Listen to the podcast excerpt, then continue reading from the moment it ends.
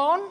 Velkommen til Christiansborg. Velkommen til denne høring i øh, udvalget for øh, forskning og videregående uddannelser om kunstig intelligens, som vi har valgt at kalde ansvarlige algoritmer.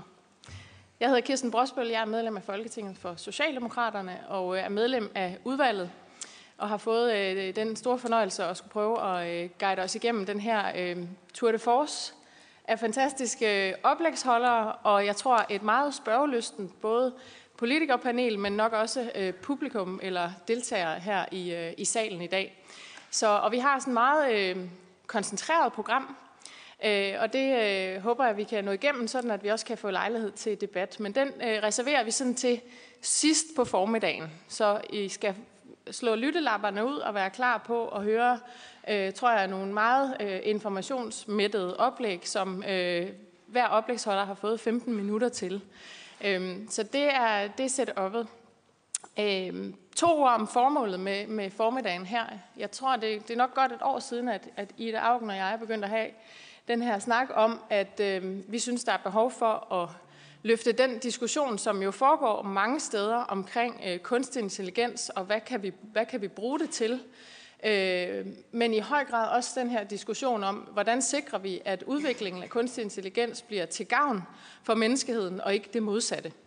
Øh, hvordan sikrer vi, at vi får en øh, oplyst, demokratisk samtale om øh, den, som jeg, det, som jeg tror for mange er en, en black box i dag, øh, nemlig den ufattelig hurtige øh, udvikling, der sker i øh, kunstig intelligens, i forskningen, i, øh, i, i brugen af kunstig intelligens i erhvervslivet.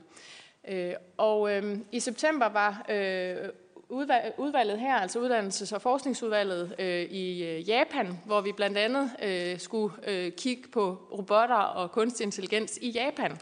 Og man kunne konstatere, at det spørgsmål, vi hver eneste gang vendte tilbage på, øh, til på de her forskellige møder øh, og besøg, vi havde, det var spørgsmålet om etik, og hvordan er det, man ud fra sådan et etisk perspektiv øh, kigger på øh, udviklingen.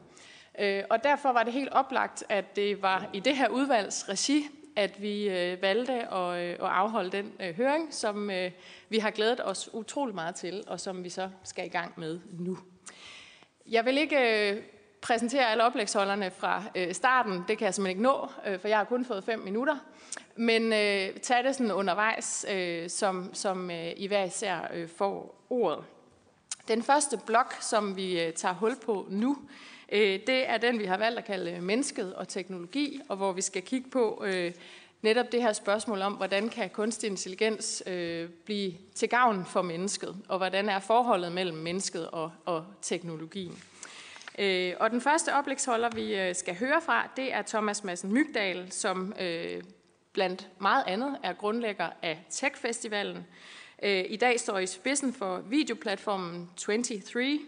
Han er medlem af Designrådet, øh, bestyrelsesmedlem i KRDK, og så er han medstifter af Nordic Makers. Det var bare nogle af titlerne Thomas, vi glæder os rigtig meget til at høre fra dig, og du har altså også øh, et kvarter øh, til din præsentation. Og hvis der er tid, kan vi tage et par spørgsmål øh, efter oplægget her. Men værsgo, Thomas, ordet er dit. Tusind tak. Udvalgsmedlemmer, andre oplægsholdere, deltager i høringen. Tak for invitationen til at åbne dagens høring med et par betragtninger om teknologi, mennesker og samfund og den brydningstid, vi lever i. Og øh, den brydningstid, jeg har levet i de sidste 25 år, fra jeg var en ung mand, der var 17 år, der kastede mig ind i den her verden, da der ikke var noget til, hvor jeg sidder i dag med lidt flere grå hår. Vi starter med en lille tekst fra 1996, der har defineret mere end noget andet de første 25 år i den digitale bølge. Og den lyder som sådan her. Governments of the industrial world – you weary giants of flesh and steel. I come from cyberspace, the new home of mind. On behalf of the future, I ask you of the past to leave us alone. You're not welcome among us. You have no sovereignty where we gather. We have no elected government, nor are we likely to have one. I declare the global social space we are building to be naturally independent of the tyrannies you seek to impose on us. We did not invite you, you do not know us, nor do you know our world. Cyberspace does not lie within your borders. Dette her er John Perry Barlows ikoniske uafhængighedserklæring for cyberspace fra 1996. Jeg læste den, da jeg var 19 år. havde lige startet den første internetvirksomhed i Danmark, Mondo, som I kan gætte jer til, er 19 år en, en periode i ens liv, hvor man er rimelig modtagelig og åben for ideologier og ting at tro på. Det interessante var måske ikke, at jeg troede på det. Det interessante var, at det her det ligesom er den øh, underliggende ideologi for hele den første bølge, øh, vi har set på digitale teknologier. En verden, hvor man bedst kunne sige, at det her måske var en ultraliberal tekst udlagt som ideologi for en helt ny ære og en helt ny verden globalt. Øhm, lige meget hvad må man sige, at den her tekst har gjort mere ondt end noget.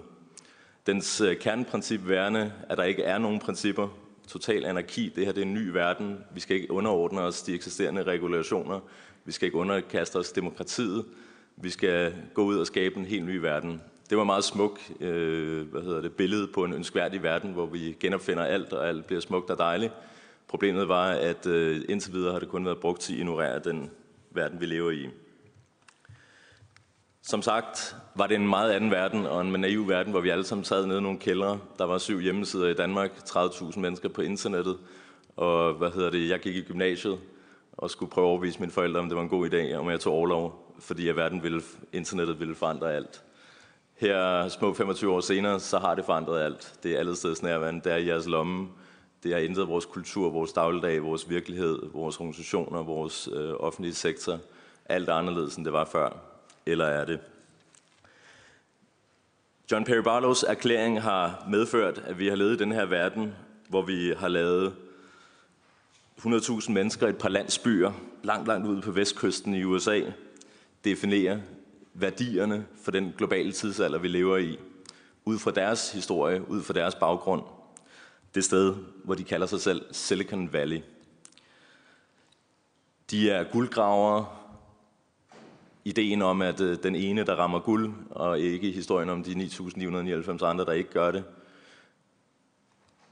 De lever i garager i små landsbyer, og er endt med at styre verden og, og køre verden. De 10 største virksomheder i verden i dag, værende teknologivirksomheder, der er mere magtfulde end nogensinde før, men deres stifter og deres ledelse sidder stadig nede i garagen i deres mentale hoveder.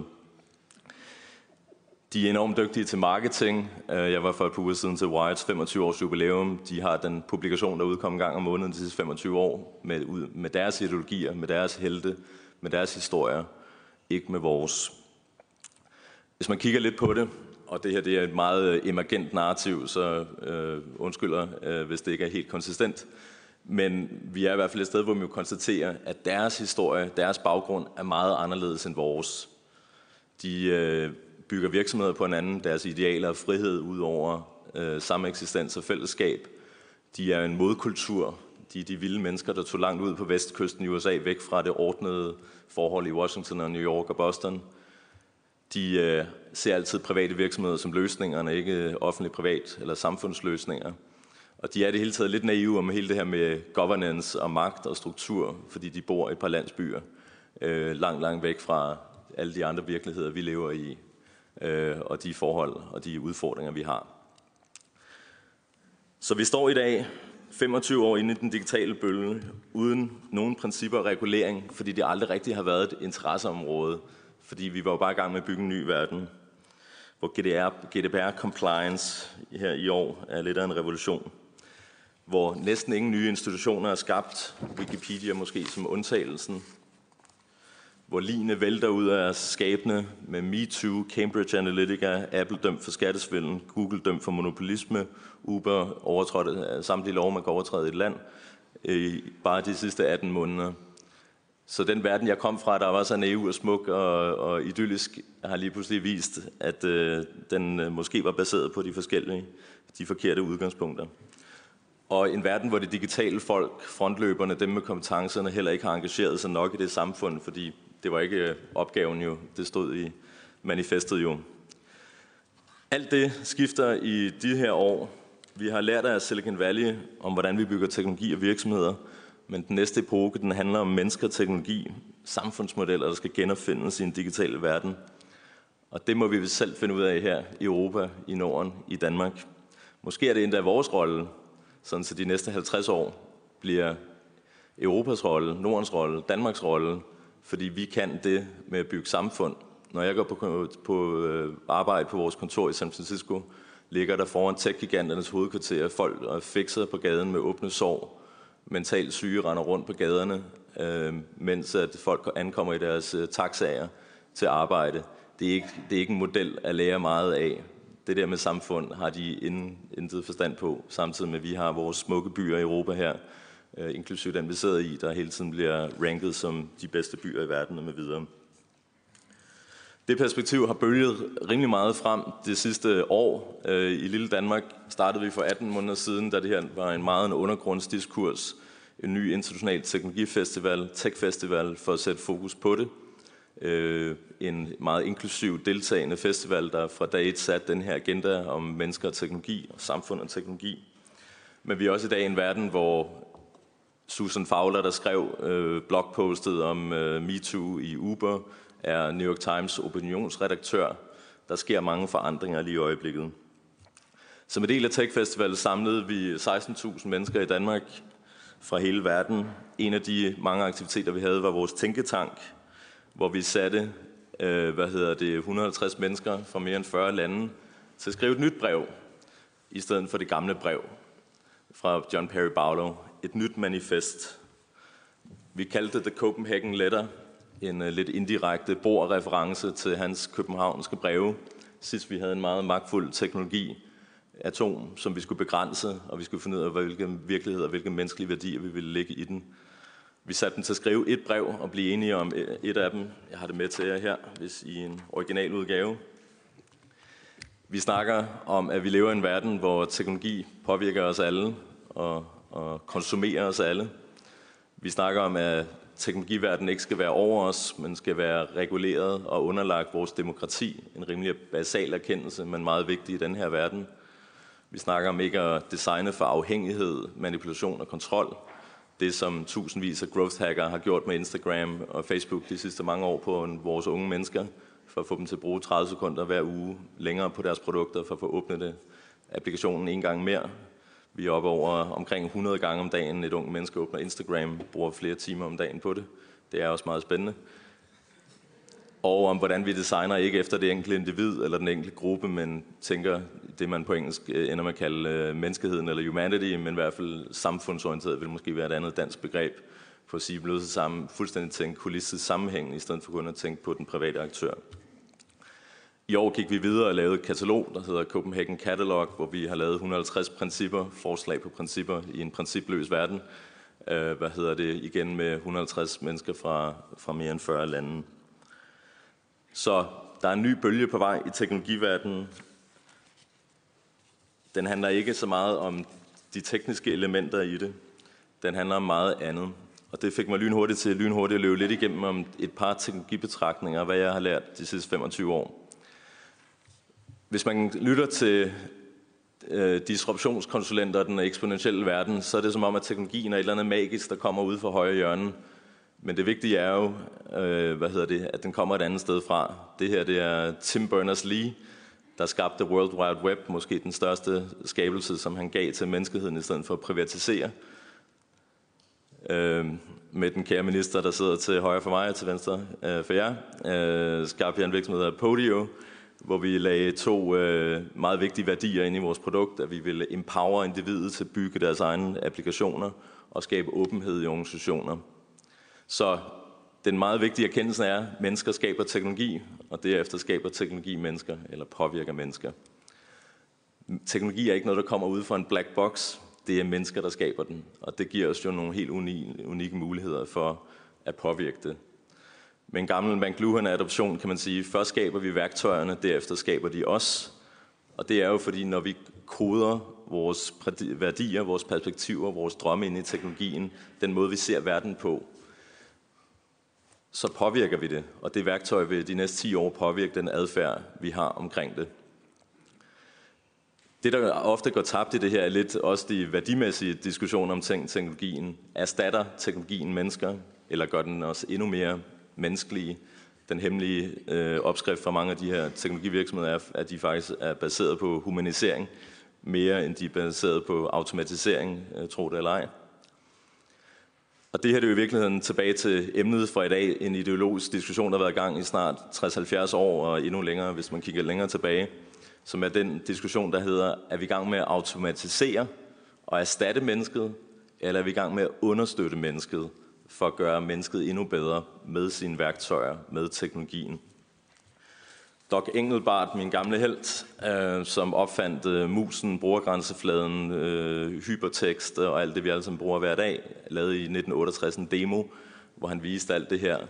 Og han skrev et fantastisk øh, manifest om at understøtte menneskelig intellekt.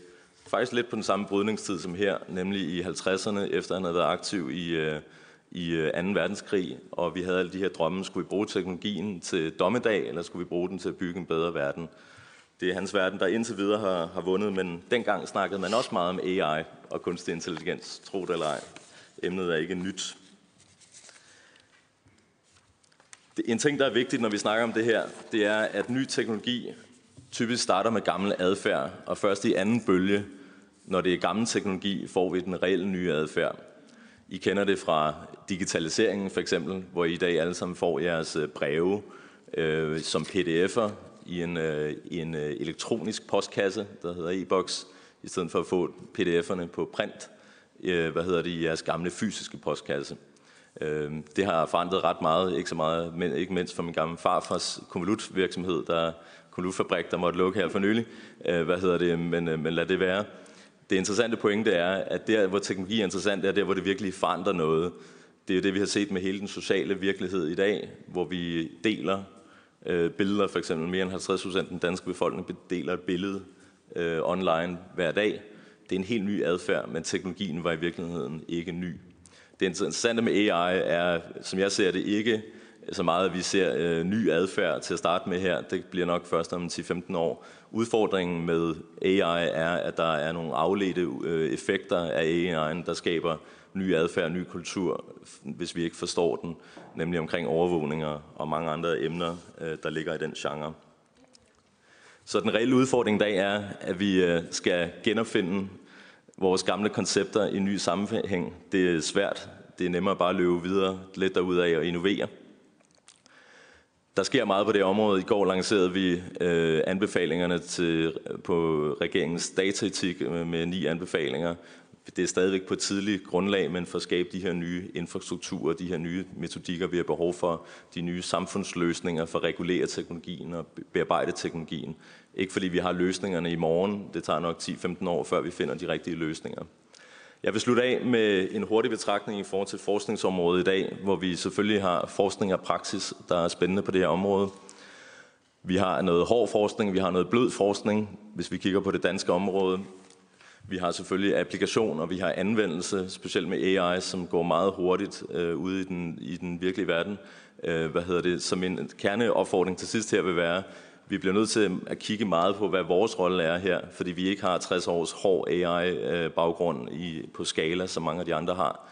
Og vi bliver nødt til at kigge på, at applikationen af AI er måske det vigtigste forskningsområde, sammen med regulation og de bløde områder at vi bliver nødt til at få design- og produktperspektivet ind i vores AI-forskning, fordi løbet er kørt på mange af de områder, og vi bliver nødt til at kigge på og få nogle ressourcer ind på det, for det er der, vi kan påvirke og putte vores danske modeller ind og finde den tredje vej imellem det brutale USA, Big Tech, og den brutale overvågning i Kina, og finde de nye løsningsmodeller på de nye balancer imellem mennesker og samfund, og mellem teknologien og samfundet. Tak.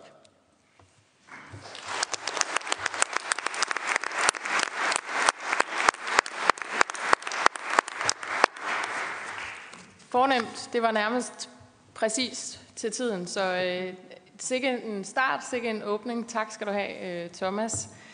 Vi haster videre til øh, Cecilie Eriksen fra Aarhus Universitet, og du øh, forsker i netop kunstig intelligens og moralværdier. Så vi glæder os rigtig meget til at høre fra dig også. Værsgo. Jamen, øh, Som sagt så forsker jeg i moralfilosofi, og jeg er ansat på afdelingen for filosofi og idehistorie ved Aarhus Universitet som postdoc. Og jeg vil også gerne starte med at sige tak for invitationen til at komme og tale her i dag. Det er et utroligt vigtigt emne, øh, vi tager op her, øh, som på linje med miljøproblemer og andre ting. Det, det er virkelig vigtigt, at vi får kigget på det her. Vi kan spørge, hvorfor er det så, at vi skal diskutere det her emne om moralske værdier og ansvarlige algoritmer? Det skal vi netop, fordi kunstig intelligens og andre digitaliseringsteknologier er blevet en meget, meget stor del af vores hverdag og af vores verden.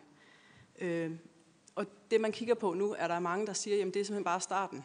Det er starten, det vi ser nu, på en ny industriel revolution.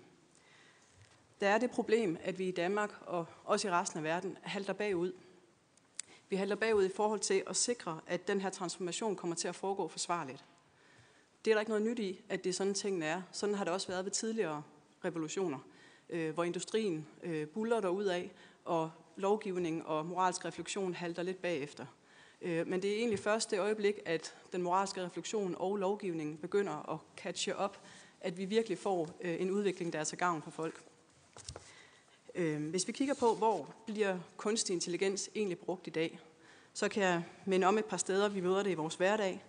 Det er en kunstig intelligens, der vælger de reklamer og de opslag, vi ser i vores feed, når vi er på Facebook. Det er øh, altså kunstig intelligens, der udfører aktiehandler for os. Vi ser også kunstige intelligenser, øh, for eksempel i medicinsk diagnostisering. Når vi søger på et eller andet i Google, så er det en kunstig intelligens, der er på spil og hjælper os. I dag der er der også sådan, at man er begyndt at bruge kunstig intelligens i advokatfirmaer, der sidder og øh, finder ud af, hvad er retspraksis på et område. Det havde man tidligere unge advokater til, men de jobs er begyndt at smutte og blive overladt til en kunstig intelligens. Vi møder også kunstig intelligens i diverse civile chatbots øh, på nettet, som har en helt utrolig evne til at give dårlige råd og lede os ind i sådan nogle kraftkaske labyrinter på hjemmesider. Øh, man kan næsten ikke, altså glæder mig til, at det begynder at blive sådan, hver gang jeg er i kontakt med det offentlige, så sker det samme. Godt. Hvad er det, vi håber, at kunstig intelligens kan gøre for os i fremtiden? Og det her det er sådan den forholdsvis nærmeste fremtid, og det er muligt, nogle af de ting, jeg siger her, der er der en, der rækker hånden op og siger, men det der det er ikke fremtiden, det er allerede nu. Men vi håber blandt andet, at kunstig intelligens kan begynde at overtage en del af brugerbetjeningen og en del af sagsbehandlingen i den offentlige sektor. Vi vil gerne have, at de kan køre vores biler for os. Det, arbejder der, det arbejdes der hårdt på, sådan at vi kan i bogstaveligste forstand slippe rettet, læne os tilbage og så endelig få læst den der avis, vi har en fantasi om, vi nok får læst et eller andet dag. Vi håber og vi frygter, at kunstig intelligens kan drage krig for os i form af selvstyrende droner, i form af øh, sådan nogle swarms af små robotter. Vi håber også, at kunstig intelligens det er den også i gang med, kan hjælpe os med at knække koder for kraftforskning, øh, og vi håber, at de kan hjælpe os med øh, at gøre noget ved vores miljøproblemer. Det er nogle af de få eksempler på, hvad det er, vi har af håb for kunstig intelligens. Det spørgsmål, jeg er blevet inviteret til at sige noget om i dag, den overskrift, jeg har fået, det er, hvordan skaber vi kunstig, eller hvordan skaber vi teknologi, der kan styrke mennesket, og i særdeleshed her kunstig intelligens, der kan styrke mennesket.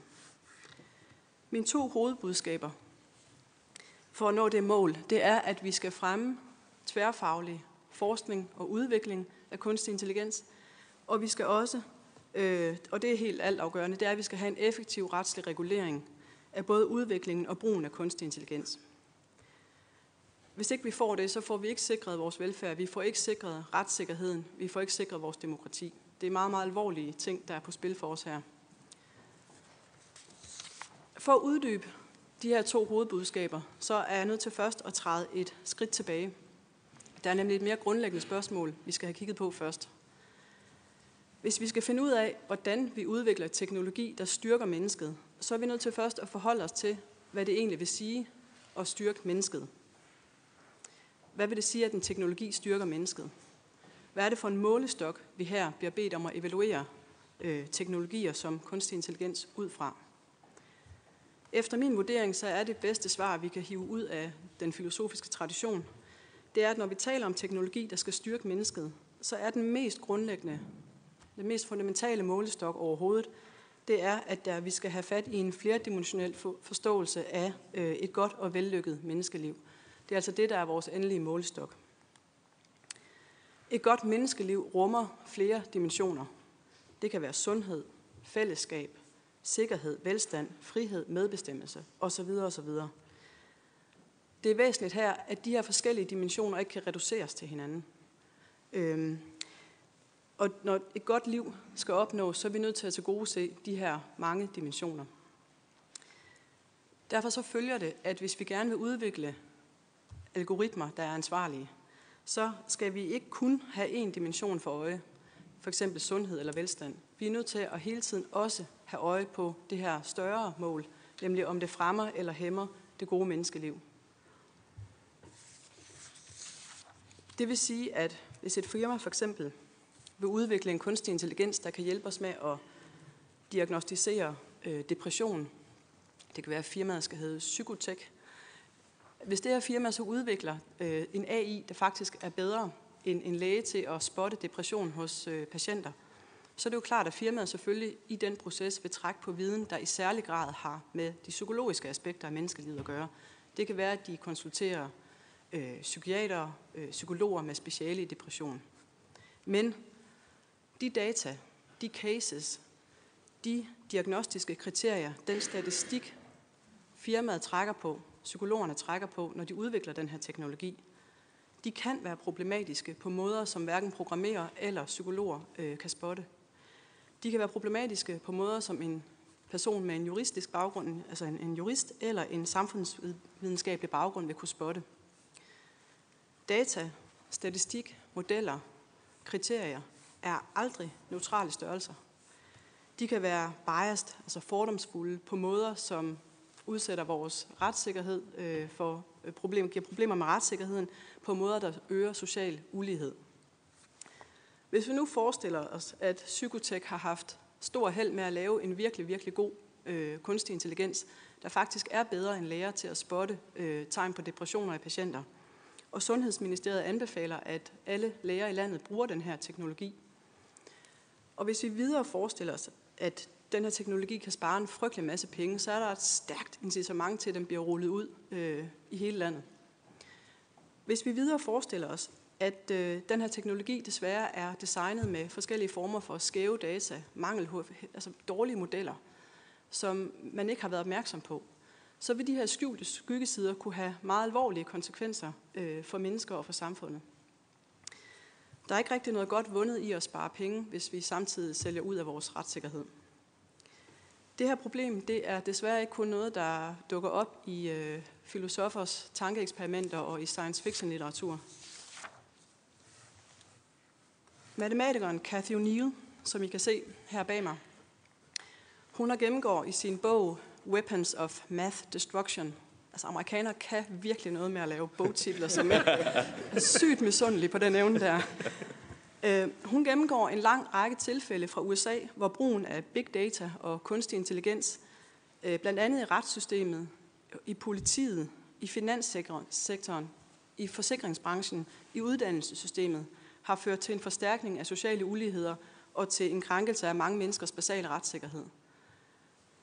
For at undgå den her slags problemer, så er det vigtigt, at vi fremmer tværfaglig forskning og tværfagligt samarbejde i udviklingen af kunstig intelligens – især af de kunstige intelligenser, der skal bruges i netop retssystemet, i finanssektoren, på sundhedsområdet og i arbejdsmarkedet.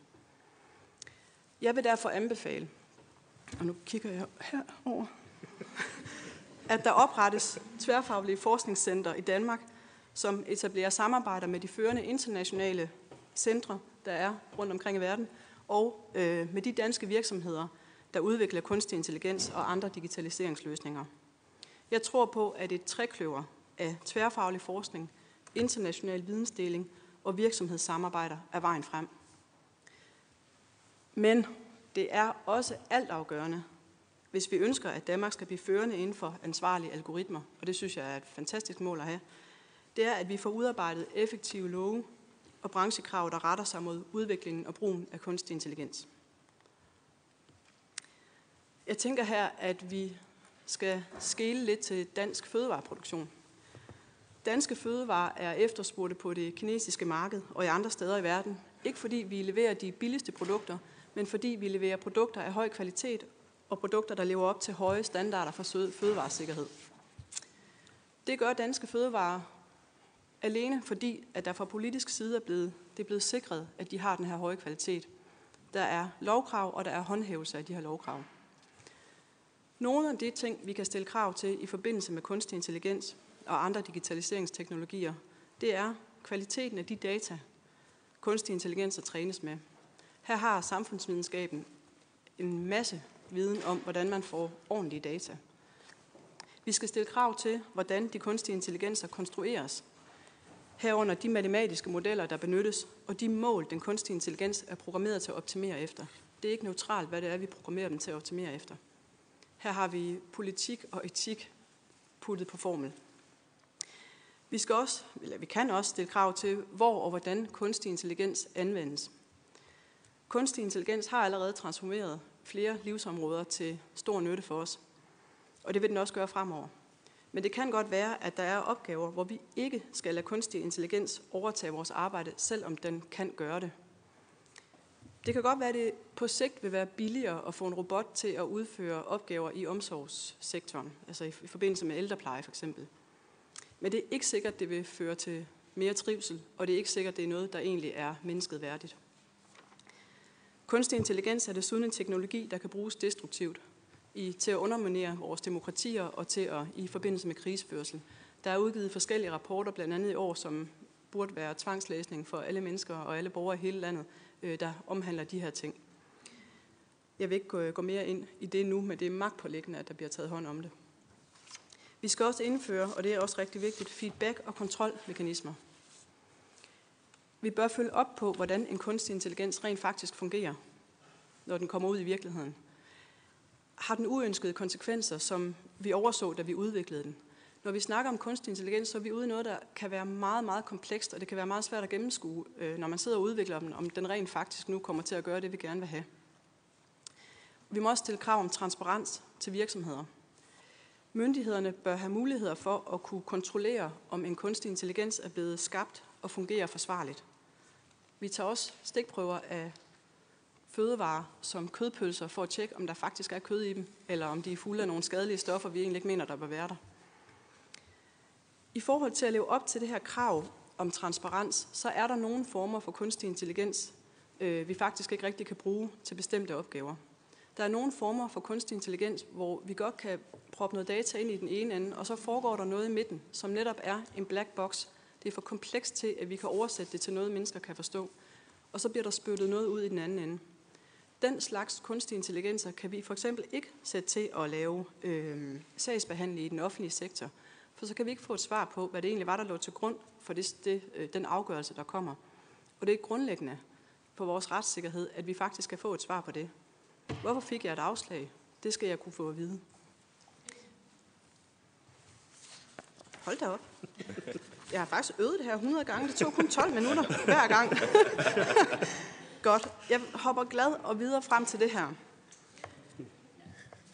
Det her med, at vi skal have love, er, er øh, vigtigt. Det er også vigtigt, at vi husker, at øh, det etiske kan ikke kodificeres. Uanset hvor gode love vi får lavet, uanset hvor finmasket et med, og uanset hvor gode krav til koder og etisk slags vi får lavet, så er der altid det her spørgsmålstegn, som I kan se, som jeg har øh, bag mig her som jeg har sat ind i FN's 17 verdensmål for bæredygtig udvikling, det er det, vi ikke ved noget om. Og det har vi altid etisk ansvar for at finde ud af også.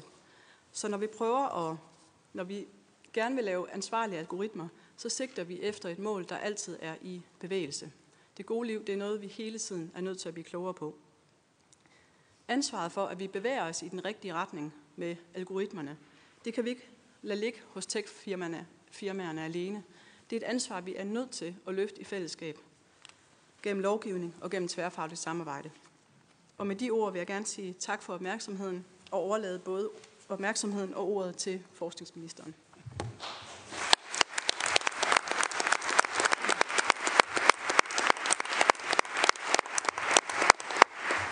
Tak skal du have, Cecilie. Det var meget flot rundet af, eftersom du til synligheden havde meget mere på hjerte, men vi øh, vender tilbage øh, er helt sikker på til dine meget, også meget konkrete anbefalinger til, hvordan vi kan skabe sådan en governance-struktur øh, i debatten senere. Tusind tak for det.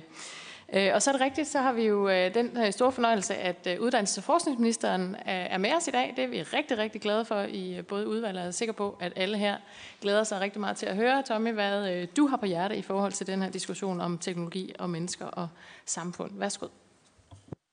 Tak for det. Øhm, det er faktisk mig, der har glædet mig til at høre, hvad I har på hjertet. For jeg tror, at de fleste af jer, der sidder herinde, og også når jeg hører på de to indlæg og ser, hvem det ellers skal tale senere i dag, så har jeg det sådan, at det er jer, der ved mere om det her. Jeg kan bare sige, at jeg ser det som min rolle med min baggrund, også blandt andet arbejde sammen med en så visionær og, og, og opmærksom øh, person som, som Thomas, og være den stemme i regeringen sammen med andre stemmer af de andre politiske partier, som tager det her spørgsmål meget, meget seriøst. Og også håber, at, at der findes nogen rundt i, øh, i, i ministerierne, fordi det kommer til at være nogle beslutninger fremover, som bliver, altså det er ikke bare sådan en stor strategisk beslutning for Danmark om, hvordan vi bruger, vi bruger kunstig intelligens. Det er allerede derude nu, og det kommer til, fordi det er så, og det tror jeg sådan, er det, er det vigtigste sådan indgang for mig, det er så kraftfuld, eller magtfuld, som Thomas øh, sagde, en teknologi, men det, og, og grunden til, at den er det, det er jo fordi, den, den kommer til at gøre ting så meget bedre, så det bliver så fristende for både offentlige myndigheder og private virksomheder at bruge det til at gøre deres produkter så meget bedre. Altså for, bare tage eksemplet med en selvkørende bil. Altså hvem, hvilken bil er bedst? Den bil, hvor du skal selv køre, eller den bil, du ikke skal køre, altså bare sådan ud fra en økonomisk, eller ud fra en øh, komfort-tankegang, øh, der er det den bil, du ikke skal køre, der er den bedste, og det er den bil, der bruger kunstig intelligens. Så danske virksomheder, der ikke får brugt kunstig intelligens, taber konkurrenceevne. Offentlige sektor, sektorer, der ikke bruger kunstig intelligens, giver ikke så god en service til deres borgere, som de ellers kunne. Det er jo det positive i den her øh, teknologi. Men det er også farligt, fordi når den er så kraftfuld, så bliver fristelsen så stor til at bruge det. Og hvis vi ikke får den her etiske diskussion virkelig sat på, på, på, på, på, på dagsordenen, så er det lige pludselig måske for sent. Det lyder så meget dommerdagsagtigt, men, men det, det, det, det, det, er sådan, det er den teknologi, vi har med at gøre. Derfor synes jeg, det er vigtigt, at vi har den diskussion, og derfor tak til, til både udvalget og SIA-kommissionen, Ingeniørforeningen og, og AI Safety Danmark, at, at, at tage det initiativ til for eksempel den her konference. Og det skal være mere af, for vi skal sørge for, at der findes personer, nu, nu er jeg lige politikeren, i alle politiske partier, der forstår det her og kan tage den her diskussion. I alle ministerier, og rundt i øh, regeringskontoret, uanset hvem der, hvem der, sidder, i, øh, hvem der sidder i regeringen. Så det er det, jeg egentlig synes, jeg ser det her som en, som en start til at få det her sat, øh, sat, sat på dagsordenen. Og hvis vi sådan kigger rundt i verden, så, øhm, øh, så er, det, er, det, jo sådan blevet, blevet sådan, at vi kom fra en verden, hvor, hvor, hvor, hvor der var et land, der USA var altid godt, og, og så var der noget ude i Asien. Ikke? Og nu, nu, nu frygten i det her, frygteksemplerne er USA og Kina øh, på det her. ikke.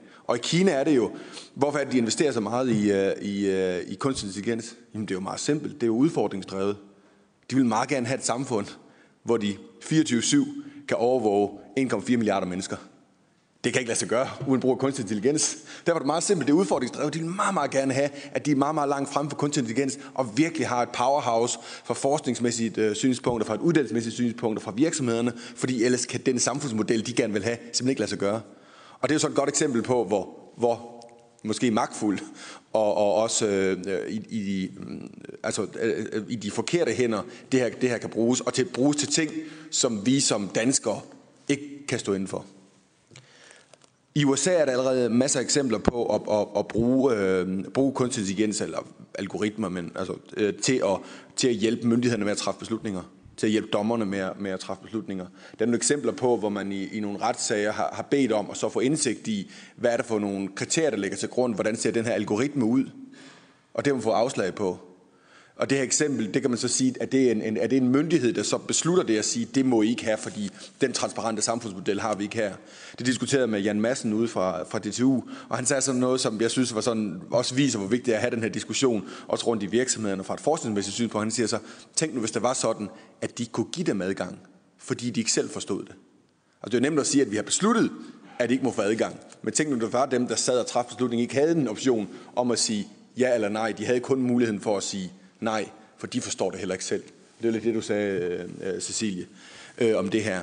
Og det er sådan et eksempel på også, hvor, hvorfor at, at det her også handler om forskning, også handler om grundforskning, fordi hele øh, princippet omkring explainable AI, det ligger nede i grundforskning, og det har vi ikke helt fundet modeller på, som kan finde den der balance mellem alle mulighederne og de, de etiske dilemmaer, der ligger i det her. Øhm, jeg er næsten ked af, Thomas, at du har taget den der slide med, at, at, at først så skaber vi værktøjerne, og så skaber værktøjerne også. For jeg synes, det er så godt, at jeg bruger det nogle gange. Øh, jeg får ikke altid, øh, det gør jeg selvfølgelig som politiker, citeret rigtigt, hvem det er, der har øh, sagt det. Men jeg synes bare, det rammer det meget godt ind, hvad det er for noget, vi har med at gøre her. Og det har stort set altid været sådan, og den diskussion havde vi meget i podio. Men den er bare endnu mere rigtig, når vi har med så kraftfuld en teknologi at gøre her. Øhm, jeg tror også, som, som øh, du også har været inde på, Thomas, og som når vi har haft samtale om det her tidligere, også har forklaret, at det, en af dine årsager til at lave Tech-festivalen, er at sørge for at være den her danske stemme rundt omkring i verden. For jeg tror, vi kan noget øh, bestemt, øh, specielt her i Danmark. Jeg tror, vi har et, øh, en, en, hvad skal man sige, sådan et, et brand rundt omkring i verden, at man godt vil tro, at det er naturligt, at det her kommer fra Danmark.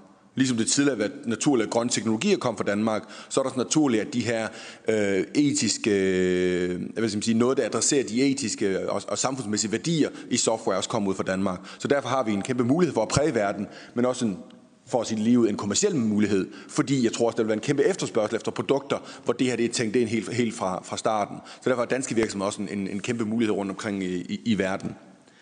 Og de værdier, vi skal bygge på, det er jo, altså for mig at se, det vigtigste, det er sådan den, den sammenhængskraft, vi har i Danmark, som er skabt på grund af tillid.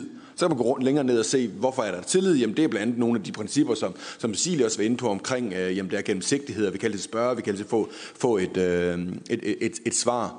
Og, og, og det er den, vi skal passe på med at sætte over styr. Fordi den har vi virkelig investeret meget i. Også nogle gange går tingene lidt langsomt det kan jeg også sige som politiker, fordi vi netop har det her princip om, at tingene skal kunne forklares ordentligt, der skal svares øh, på de ting. Og tænk nu, hvis vi pludselig er i en situation, at det kan vi ikke øh, gøre længere, fordi vores, øh, vi er gået for langt i forhold til brugen af, brugen af teknologi.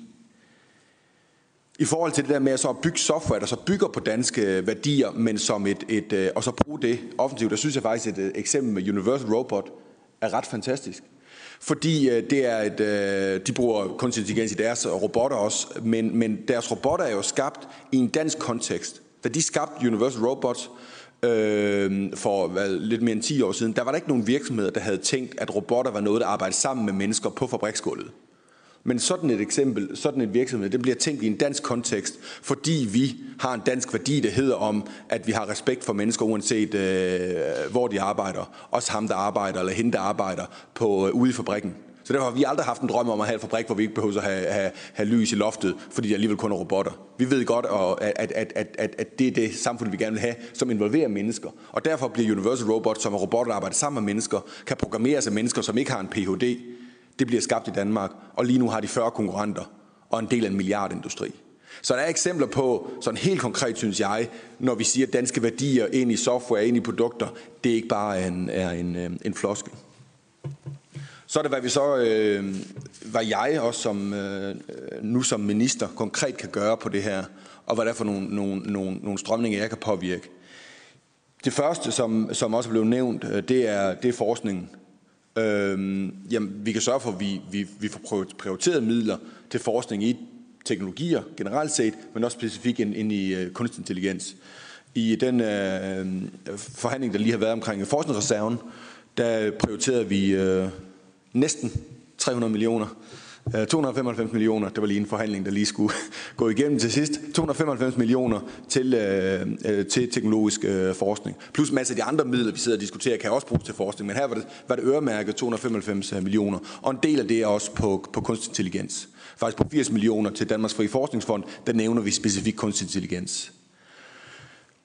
Under det her, der ligger der også et, et, et, et nationalt øh, center i digitale teknologier, som netop skal være et tværfagligt øh, center, som øh, Innovationsfonden kommer ud med et øh, call til her snart, som så øh, forhåbentlig rigtig mange byder ind i, også tværfagligt, så det ikke bliver ren et ren øh, et, et teknologi, men også indeholder noget af for eksempel de humanistiske, eller også noget af det, øh, fra, vi kan på de kunstneriske uddannelser. Øhm, så, så, så, så det er et eksempel øh, på det. Og så er, der, så er der nogen, der siger, og det, det er også blevet mødt med, når vi har været ude, og jeg ved ikke om nogle af de andre, for de andre partier, der også er med i den her øh, aftale, så siger, jamen 295 millioner, det er jo ikke særlig mange penge. Altså, det, det, skal, det skal man aldrig sige, det ikke er.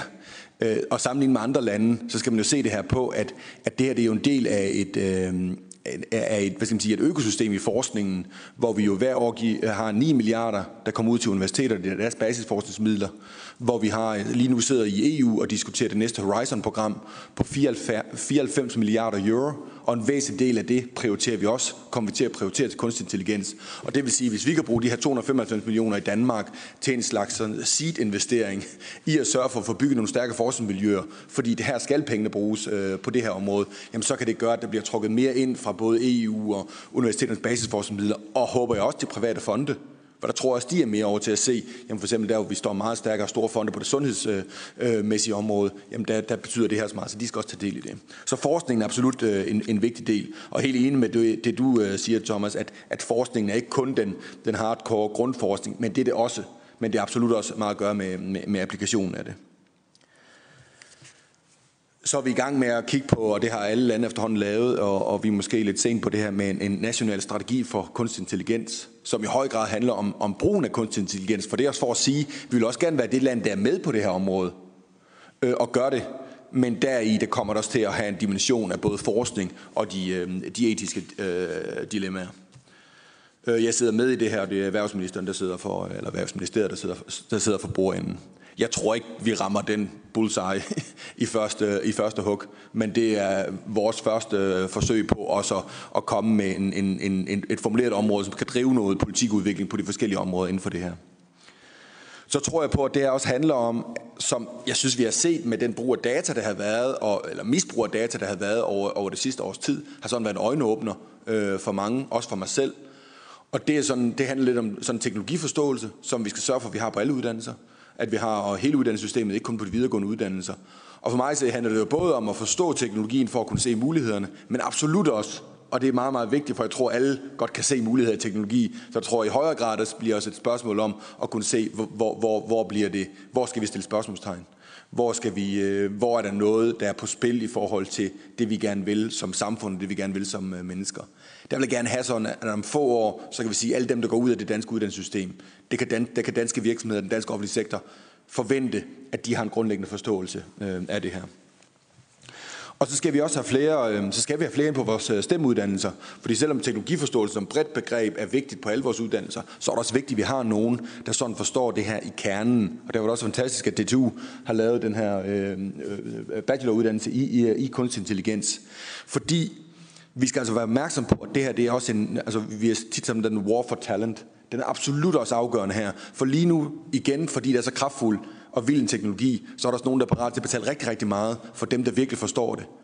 Og de bliver så trukket ind steder, måske og i høj grad lige nu i virksomheder, som er parat til at betale rigtig meget til en højt uddannet, der, der forstår kunstig intelligens. Og så er det lige pludselig ude af vores hænder, så kan det godt være, at vi kan sidde og have nok så mange diskussioner her i landstingssalen, men hvis så ikke har den danske talentmasse, der så kan gøre det, eller kan tiltrække den udlandske talent, der vil hjælpe os med at gøre det på en, på en dansk måde, så, så, så kan vi ikke komme med det. Og den eneste måde også at få det til at fungere på, det er ved at sørge for, at fødekæden bliver ved med at fungere. Så generelt flere end på stemmeuddannelserne, men absolut også mere, der decideret går på, på, øh, på kunstig intelligens.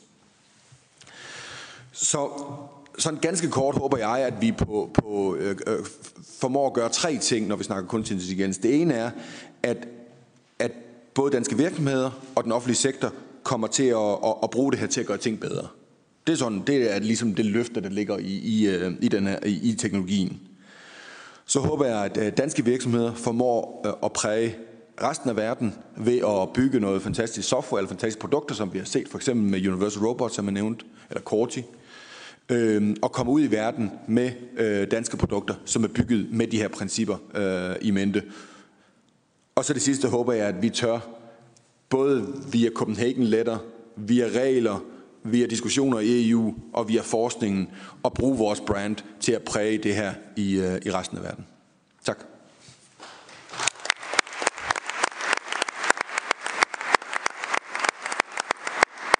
Tusind tak skal du have, Tommy, øh, for dit øh, engagerede, begejstrede indlæg, og også for at minde os om, at øh, vi skal huske på, at det her er også noget, der kan hjælpe os med at løse en masse udfordringer, samtidig med, at vi skal håndtere de her etiske aspekter af, af udviklingen. Så tak for det. Jeg vil meget gerne, hvis du har lige mulighed for, at vi tager et enkelt spørgsmål eller to, for det er ikke sikkert, at ministeren har tid til at blive her til debatten senere. Så øh, hvis, vi, hvis du er med på det, så vil vi øh, først og fremmest give mulighed til panelet. Så Ida først. Mange tak. Øhm, det er jo svært at finde en rigtig balance mellem at lave reguleringen og sikkerheden, og så ikke sætte alting i stå. Fordi vi ved jo godt, at dem, der sidder sig selv kort der sidder og laver 112 opkald, de eksperimenterer jo også meget. Så spørgsmålet er, hvis vi også skal have den danske mulighed for at folde sig ud, og det er jeg faktisk er mere tryg ved, at der sidder danske unge mennesker fra DTU og laver øh, og udvikler AI, øh, versus om de sidder i hjertet af Google eller Facebook.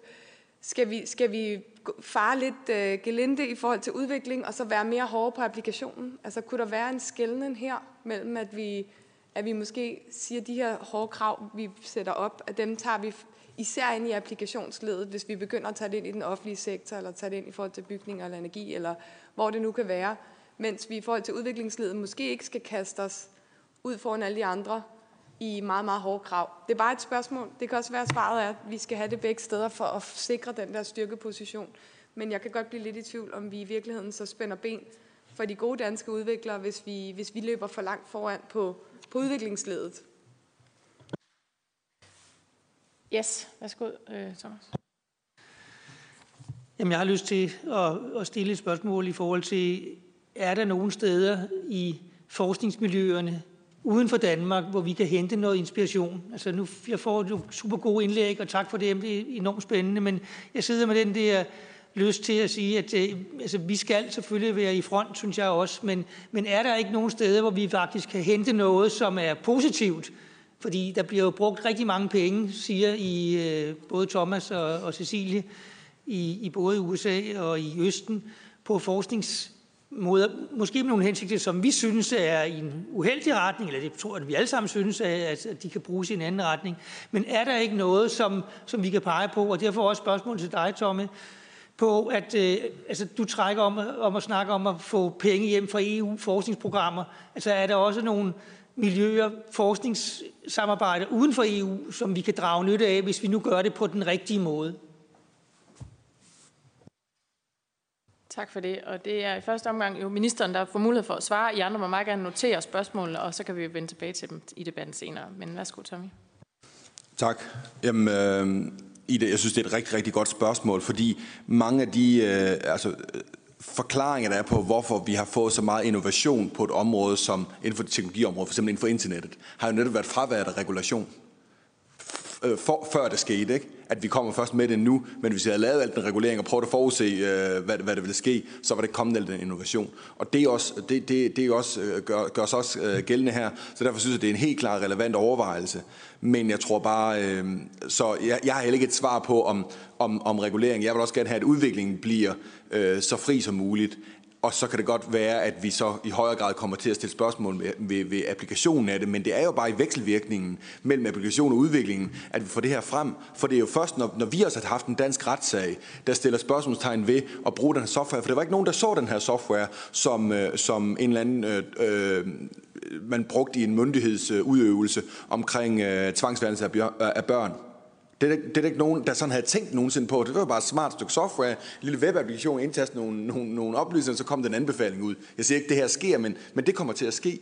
Og så kommer der en sag frem, og så er det, vi får de her diskussioner, som så bliver meget konkret. Ikke? Så jeg tror, vi skal også tillade, at udviklingen kører. Jeg prøver ikke at male sådan en dommedag om, at vi skal prøve at stoppe det øh, lige nu. Jeg tror, vi skal prøve at ture og også sætte det lidt fri, men bare være meget, meget opmærksom øh, på det her, og blive ved med at have de her diskussioner. Så på et tidspunkt tror jeg, vi kommer til at være meget konkret på og ligesom at regulere. Altså vi har også noget, vi har jo regulering, så, så vi kan jo ikke sige, at vi slet ikke har nogen regulering. Vi har jo regulering omkring altså hele øh, forvaltningslovkomplekset. Øh, Jamen det skal, også, det skal vi bare sige, det finder også anvendelse her, og det vil så i sig selv sætte nogle, øh, nogle begrænsninger. Så vil jeg tænke lidt på det. Men jeg synes, det er en, det er en god pointe at sige, at vi, vi skal også på, at vi ikke sidder nu her og tænker, nu skal vi pludselig lægge masser af bånd på det, for så får vi måske ikke udviklingen, og så er det også kørt for os. Ikke? Så får vi ikke mulighed for senere at præge det med dansk software, med dansk, øh, med dansk mindset.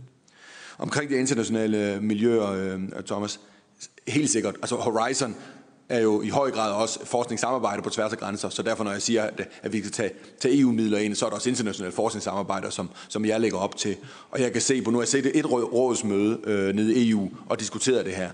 Og, og min fornemmelse er, at, at, at, at både det at se mulighederne, men også have den her, øh, hvad skal man sige, øh, lad os bare kalde det en frygt for, om det pludselig løber os af hende, at den er meget, meget præsent i, i, øh, hos, de, hos øh, mine kollegaer rundt omkring i Europa. Og jeg tror, altså selvfølgelig har de også forskningsmiljøer på det her, dem skal vi samarbejde med. Så vi står ikke alene med det her. Og jeg tror faktisk lige præcis på den her, der tror jeg, at EU har en, kommer til at spille en kæmpe, kæmpe rolle. Vi kun lykkes med det her, hvis det her også bliver noget på tværs af, af EU. Vi glemmer jo lidt, når vi har den EU-diskussion, som vi også kommer til at have øh, fuld on lige om lidt op til Europaparlamentsvalget. Og der vil vi gerne gøre det til et fredens projekt. Det er det også. Men for mig at se er det også et projekt inden omkring det her omkring forskning. Fordi det er 10 procent af hele EU's samlede budget, eller knap 10 procent, som man vælger at bruge på forskning på Horizon. Det glemmer vi lidt i det her, for det kommer til at handle om land, landbrugsstøtte og, og nogle andre ting, og alle de ting, der, der er farlige. Men det vil vi kun kunne bruge. Det er ikke noget enkelt land, der kunne slippe afsted med at bruge så mange penge på det. Men det kan vi gøre, og der har vi altså på de her demokratiske værdier, hvad med de fleste lande i Europa, et, et værdifællesskab, som vi skal bruge øh, øh til vores fordel. Så helt klart. Tusind tak for det, øh, Tommy. Og det øh, runder jo så sådan første blok af, hvor vi har fået ridset, øh, må man sige, problemfeltet godt og grundigt op, og også introduceret nogle af de både sådan samfundsmæssige dilemmaer og udfordringer, som øh, udviklingen stiller os overfor, men i høj grad også de, de politiske i forhold til governance-strukturen, og hvad skal der til der, og hvad er det vigtigt, at vi forholder os til øh, her. Så, så tak for øh, de tre første oplæg. Så bevæger vi os over til der, hvor det hele sådan øh, rører sig og, øh, og sker, kan man sige, frontlinjen i, øh, i hvert fald inden for dansk forskning i øh, kunstig intelligens. Og vi er meget, meget glade for at øh, kunne byde velkommen til, til to af de fremmeste forskere på, på området i Danmark. Først skal vi høre fra øh, Lars Kai Hansen fra øh, DTU, øh, som jo for nylig havde besøg af udvalget. Og øh, det var der stor begejstring for, så derfor øh, synes vi selvfølgelig også, at øh, vi vil invitere dig øh, til i dag, Lars, og øh, høre øh, fra dig, fordi du har jo været øh, førende, og måske nogle af de, en af de første, i hvert fald øh, i Danmark, der har begyndt at, at kigge ind i det her for øh, jo mange år siden, og, og stadig er sådan i, øh, i frontlinjen. Øh, din forskning øh, omkring kunstig intelligens har særlig fokus på det biomedicinske område, men øh, du er velkommen til sådan at brede dig ud, hvis du har lyst til det. Vi glæder os rigtig meget til at høre fra dig. Værsgo. Tusind tak. Uh, tusind tak til udvalget arrangørerne. Tusind tak til ministeren også uh, for det fokus, I sætter på det her område her, som er enormt vigtigt. Uh, jeg har på den øverste del af sliden her et, et citat fra Googles uh, administrerende direktør, og øh, jeg er ikke sikker på, at jeg vil gå helt så langt, som, som han gør der, men det, det, der er ingen tvivl om, at vi har, vi har faldet noget vigtigt. Og hvad er det, hvorfor er det, det er vigtigt, det vi snakker om her? Så hvis man kigger sådan meget hurtigt ned over, hvad der er sket de sidste cirka så lang tid, som jeg har arbejdet på DTU, ikke? her fra, fra 89, hvor internettet øh, fik sin, sin endelige form, kan man sige, med, med øh, World Wide Web og mobiltelefoni begyndte at og brede sig ud, der fik vi en markant forbedret mulighed for at kommunikere. Ikke? Det har ændret vores liv, at vi kan kommunikere med folk, der er langt væk, og vi gør det, hvornår vi har lyst til at gøre det. Ikke? Lidt senere i 98, øh, så sidder der to øh, forskere på Stanford og opfinder Google. Øh, så de var meget idealistiske i starten, og det var, der var ikke nogen der, der havde den der tanke om, at det her skulle være en, en, en maskine, der suger data ud af, øh, af os alle sammen for at sælge reklamer. Det var virkelig deres intention at lave en søgemaskine, der kunne sætte os alle sammen, give os en bedre hukommelse. Det var det, var det der var målet. Det er meget tydeligt, når man, når man ser, hvad de skriver på det tidspunkt. Og den hukommelse er blevet meget øh, forstærket, ikke? både på, på konkrete data, på varer med Amazon og på gamle venskaber osv. Med, med Facebook. Øh, så det er, en, det er en kendt historie, og det har ændret vores liv også på mange måder. Jeg er ikke sikker på, at I alle sammen ved, at øh, den der Google-historie med fra 98, så der faktisk var en lille dansk finger med i spillet der også. Den første Google-computer var bygget af Lego-klodser. Så den, øh, der, den står nede i, i kælderen under øh, uh, Gates Building uh, øh, på, uh, på Stanford. Der kan man gå ned og se, der er sådan en lille museum, hvor man kan se den første Google-computer. De kunne ikke få et kabinet, der var stor nok til harddisken simpelthen. Så byggede de den med Duplo-klodser. Um, øhm, og det vi har gang i nu, det er jo, at uh, vi går videre end bare det her med at kommunikere hukommelse. Nu begynder vi at, at, at få fat i selve det, der vil sige at være menneske. Vores intellekt, uh, vores intellektuelle evner. Og der er det selvfølgelig enormt vigtigt, at der er en eller anden, der sætter kursen. Og den øh, skal ikke nødvendigvis øh, være et, et stort firma i, i USA, som vi, som vi hørte tidligere. Det skal heller ikke nødvendigvis være et, et stort øh, foretagende i, i Kina. Det er noget, som skal foregå under demokratisk kontrol. Det kan der ikke være tvivl om, og det er derfor, vi sidder her i dag og prøver at få sat ord på, hvad det, det betyder. Og det, der, det, det er alle er klar over, det er alle ved det. Ikke? Og derfor er der jo de her kæmpe programmer, øh, også i, i offentlige regi, så der er den her fine opgørelse på Medium, hvor man kan se øh, de forskellige landes øh, strategier, og, og mange af dem er fuldt op med bevillinger. Den seneste, som, øh, som kom meget massivt ud, var jo i Tyskland, ikke, hvor vi så en meget, meget stor øh, investering øh, planlagt nu øh, øh, på øh, grundforskning og på, på anvendelserne. Ikke? Det er et meget grundigt forarbejde, der er lavet, og det hele er faktisk offentligt. Øh, så man kan gå ind og se det på, øh, på hvad hedder det, på hjemmesider i Tyskland kan man se præcis, hvad for nogle tanker de har gjort, så vi kan lære en del af det faktisk. Nu hørte vi før, at man, vi skal lære udlandet, og det kan vi helt klart gøre. I de her processer, de har været igennem, kan vi også lære meget af. Så hvad gør vi på, på universiteterne? Vi forsøger selvfølgelig øh, både at, at, at, at hjælpe med. Vi vil gerne udvikle de her ting her. Vi har masser af gode idéer. Vi mærker også den her enorme interesse for virksomhederne. Jeg vil prøve at, at trække nogle af de ting lidt ned på jorden og vise et, et meget konkret eksempel på, hvor der faktisk allerede er AI i Danmark i en, en konkret produkt i en virksomhed. Det er et høreapparat. Øh, men, men ellers vil jeg sige, at vi forsøger at promovere den her, som vi kalder Safe AI-dagsordenen, så vi har prøvet at formulere de tekniske elementer af den diskussion, som, som vi har hele tiden med, med vores øh, venner fra, her, fra filosofi, for eksempel også her i, i København. Så prøver vi at uddanne, øh, sådan at vi kan, øh, kan holde den her fødekæde i gang, så der er nogen, der kan lave de her ting på, på dansk også, og det betyder blandt andet, at vi har lavet den her ny bacheloruddannelse i kunstig intelligens og data, og den forsøger vi at gøre skalerbar, så det betyder, at den kan øh, gøres større, hvis der er behov for det, og den er også open source. Så det betyder, at alle de andre universiteter, både i Danmark og i udlandet, kan sådan set bruge de samme værktøjer til at lave en tilsvarende. Og der får vi et eller andet middel der også til at påvirke den her udvikling, sådan at vi kan hjælpe med, hvis vi laver den her med, med god safe AI-værktøjer, og den bliver bredt ud i undervisningen, så får vi en mulighed for at påvirke undervisningen andre steder. Ikke? Det, det ser vi hele tiden, fordi undervisningen, den vi selv laver, selvfølgelig bliver påvirket af alle de fantastiske ting, der bliver udviklet på universiteter, både i Europa og i, i udlandet også. Ikke? Um, så er forskningsmiljøerne stærke. De er små i Danmark, vil jeg sige. Og øh, da jeg startede i 90, der, der var der ingenting selvfølgelig. Og det, der er en del på DTU, og der er en, en del på, på de andre store danske universiteter, er der øh, øh AI-forskning. Og de, jeg synes, de er stærkere. Det kan vi jo måle sådan kvantitativt. Dels bliver vi evalueret hver femte år, og der er vi evalueret tre, år i, eller hvad hedder, tre evalueringer i træk øh, til at være på toppen. Øh, så på, på den måde har vi andres ord for, at, det, at vi kan konkurrere. En anden måde, man kan se det på, det er jo, at det netop ikke foregår i et, et lille lukket rum. Det foregår i et meget øh, internationalt samarbejde, så vi har medforfattere på vores artikler, vi arbejder tæt sammen med, med de folk, der sidder og styrer det her på de universiteter, som I alle sammen kender, Stanford, MIT og så videre. Ikke? Så vi, øh, vi er bestemt både i stand til at hive ind og også øh, øh føde ind i, i deres øh, fødekæder. Lad mig nævne det her konkrete eksempel på, på, at AI ikke er science fiction, og det er øh, det nye hørebræt, der hedder Evoke fra Videx. Og jeg skal sige, at jeg har hverken aktier eller noget som helst i Videx, men jeg har været med til at udvikle det der, så derfor har jeg selvfølgelig på den måde en indirekte en aktie i det. Ikke? Men kan sige, at øh, den udvikling, som vi har lavet på, på DTU Grundforskning, som er et, øh, det der hedder erhvervsforskerprojekt, som er fundet af Innovationsfonden, fantastisk ordning, vi har, vi har i Danmark der, den grundforskning, der blev lavet der i, i 2015, den er nu til et produkt, som er et AI-produkt. Det er en lille øh, kunstig audiolog, der sidder inde i øret og følger med. På en app kan du, øh, den kan stille spørgsmål til dig, kan du lide den her øh, måde, du hører øh, på i øjeblikket. Og der løser den det der meget væsentlige problem for et hørebræt, det er, hvordan den skal forstærke. Man skal forstærke på en måde, hvis det er tale, på en anden måde, hvis det er musik osv. Der er rigtig mange ting, som hørebrætterne de kæmper med øh, at få gjort rigtigt.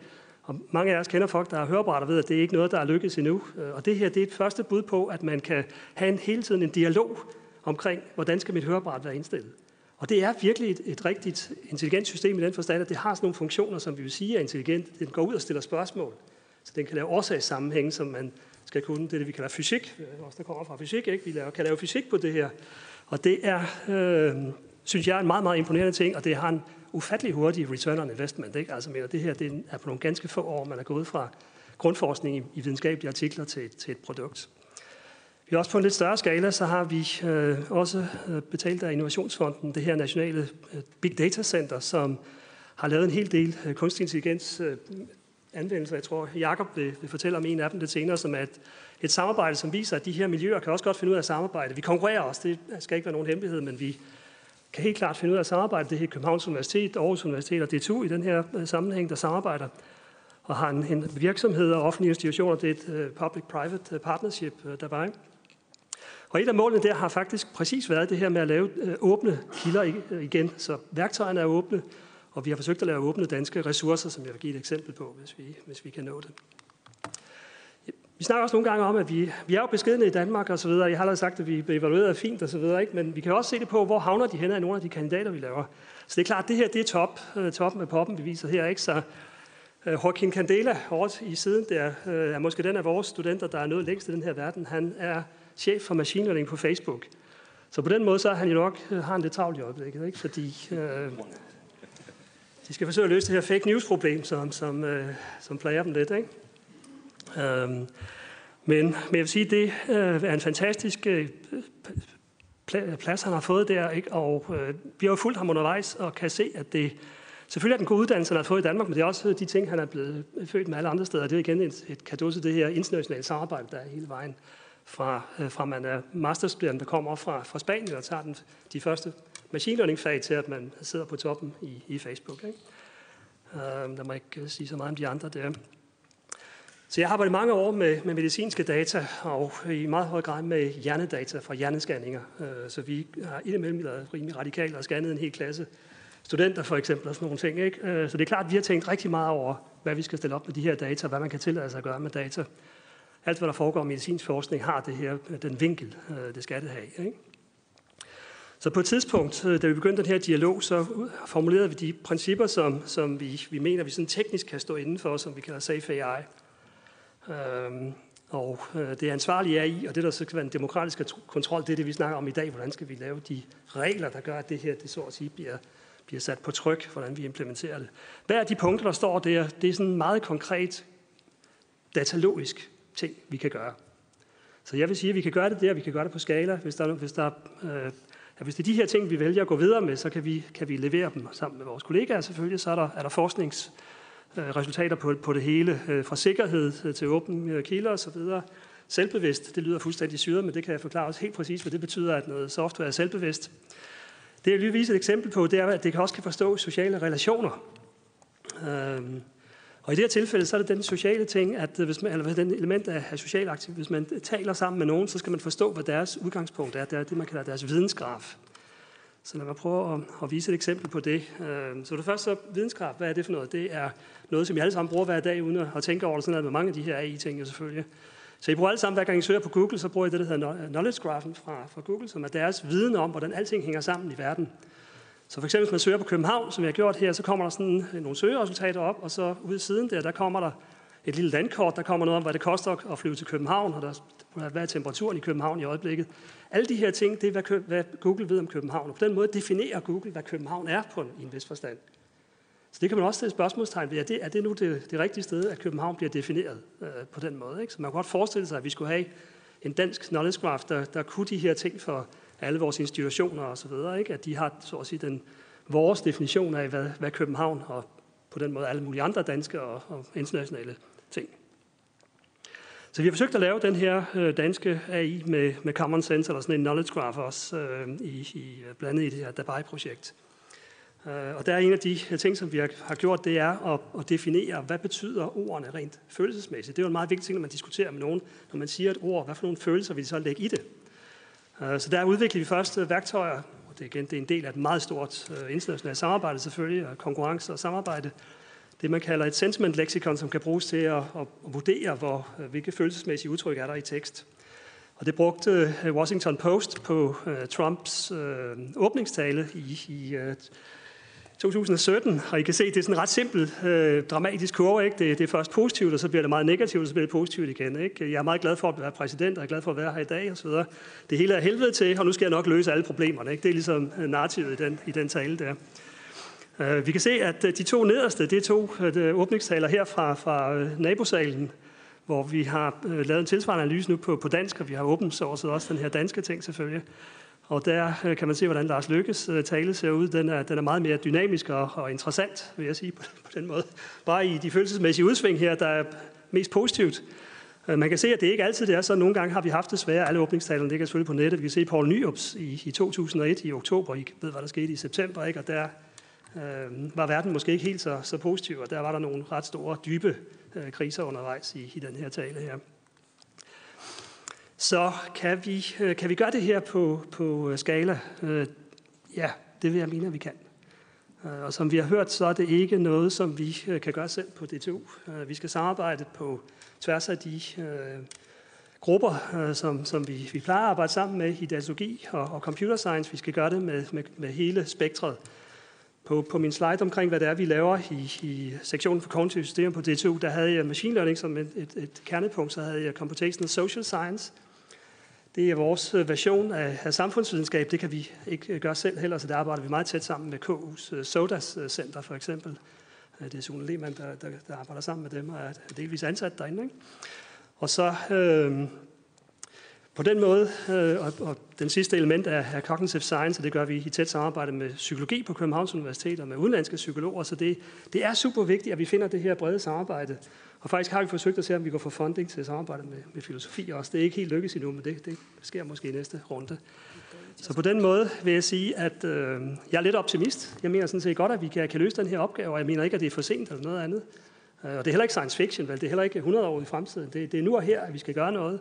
Og, og det kan vi gøre sammen, politi- politiske lag og, og forskerne og, og alle jer derude. Vi kan sammen løse det her problem og løfte det. Tak skal jeg have.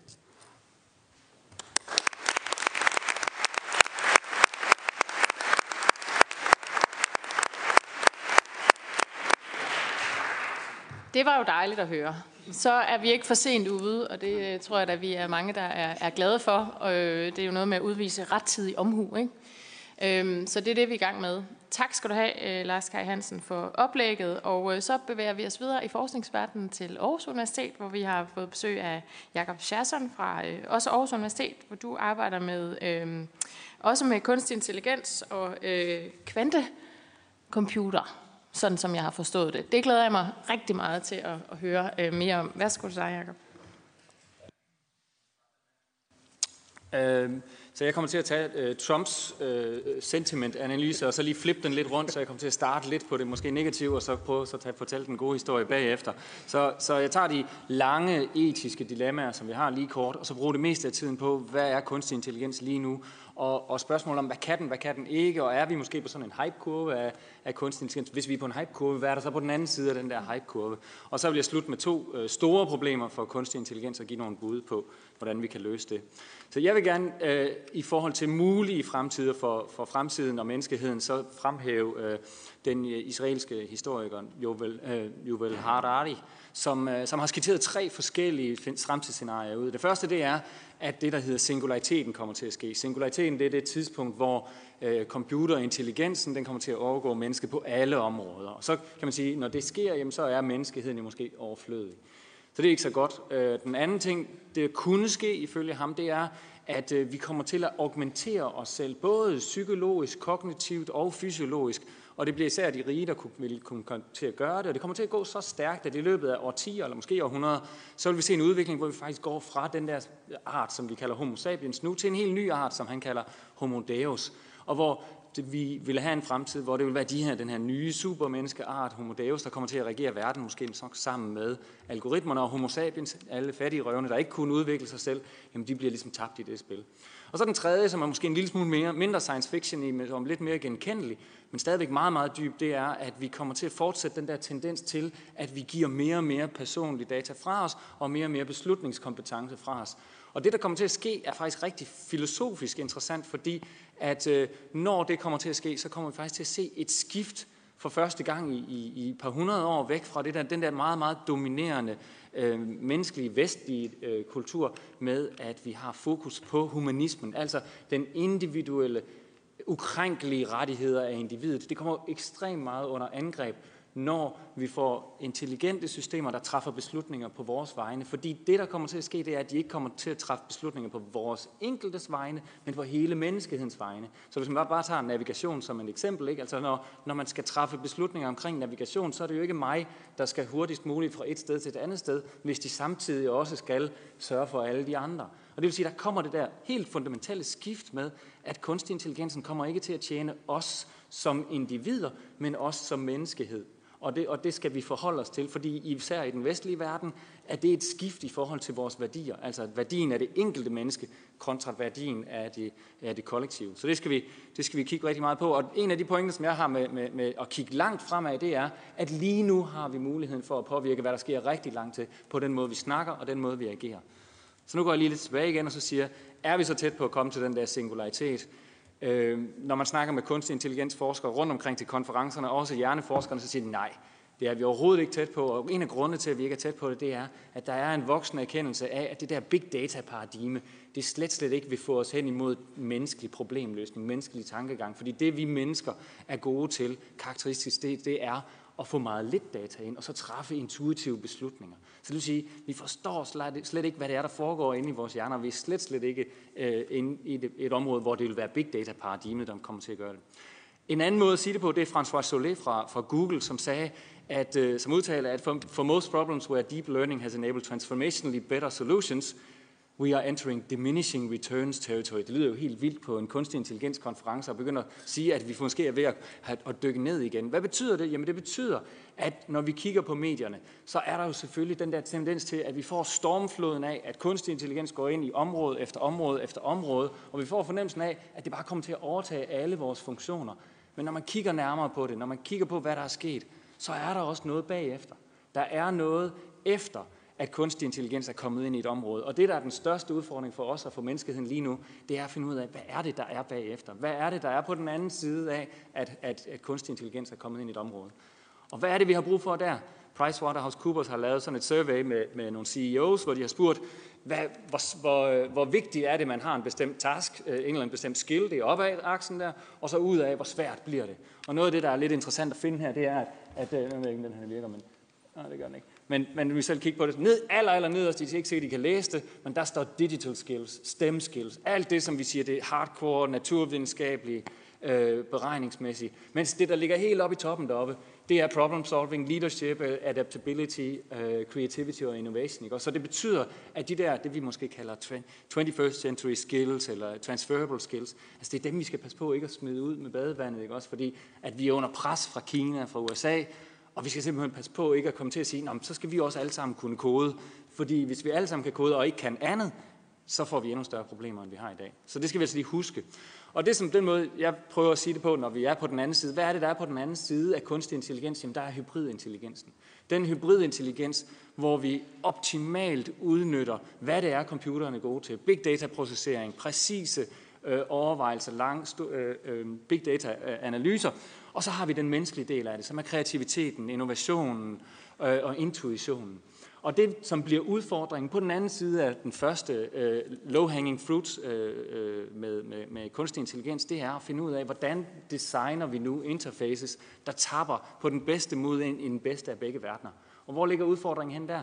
Ikke ved at forstå, hvad kunstig intelligens kan, for det ved vi godt. Vi har jo algoritmerne. Vi forstår godt algoritmerne. Vi forstår bare ikke menneskene. Vi forstår simpelthen ikke, hvordan det er, vi selv er. Så det vil sige, hvis vi skal have mulighed for at influere hvilken af de tre eller et andet fremtidsscenarie, der kommer til at ske, så bliver vi simpelthen nødt til at forstå os selv meget bedre. Og det er det, hybridintelligens handler om. Så nu går jeg lidt mere konkret med nogle, et par eksempler. Min kone hun arbejder i vindmølleindustrien øh, med predictive analytics, det vil sige finde ud af, hvornår en vindmølle den ikke virker mere. Øh, og hun bliver hele tiden kontaktet af store tech-virksomheder, der siger, vi har en kunstig intelligens løsning til jer. Giv os, vores da- giv os jeres data, vi analyserer det for os, og så fortæller jeg, hvad, det, hvad der kommer til at ske. Og hun kigger på de der løsninger, de har, og hun siger, de kan ikke bruges. Ingen af dem kan bruges. Og hvorfor kan de ikke bruges? De kan ikke bruges, fordi at det er en off-the-shelf løsning. Off-the-shelf AI virker, det kan godt virke til nogle ting, men det kommer ikke til at virke helt generelt fordi det skal tilpasse det enkelte domæne. Hvad er det for nogle komponenter, der er derinde? Hvornår går de i stykker? Hvordan skal det se? Og den tekniker, der skal ud og skifte tingene, han skal også kunne forstå, hvad der, der sker. Så det virker simpelthen ikke at sige, at AI kan fikse det, uden at have den der domæne ind. Og her kommer så det her, et af de eksempler, hvor det begynder at ske, det er Kai Grønbæk på Aarhus Universitet, som, som har taget øh, registrene fra CVR, kigget på hvert enkelt firma, hvad sker der af events, altså der er et bestyrelsesmedlem, der ændrer sig, øh, der er navnet, der ændrer sig, der er måske endda, hvad for en forretningstype, der ændrer sig. Det giver de her time series, og det ser, når, man, når man skal kigge på det, så får man det der kæmpe store masse af alle mulige data. Der er ingen, der kan kigge på det eller forstå noget som helst af det. Og det, som de har gjort her, det er så, at de har prøvet at arbejde sammen med eksperterne i Erhvervsstyrelsen og finde ud af, hvad er det for nogle indikatorer, vi skal tage fat i? Hvad er det for nogle systemer? Hvad er det for nogle sekvenser, vi skal kigge efter? Og komme op med en meget, meget simplere interface. Simple interface, hvor vi nu kan finde ud af at, at lave predictions. Vi kan forudsige, at lige præcis de her sekvenser, de gør, at der er 4-5 gange større sandsynlighed for, at der er noget svindel med i spillet, eller at de kommer til at gå bankerot lige om lidt. Så det kan altså spare penge på den der måde, ved at tage the human into the loop, og det er det, der er det vigtige her.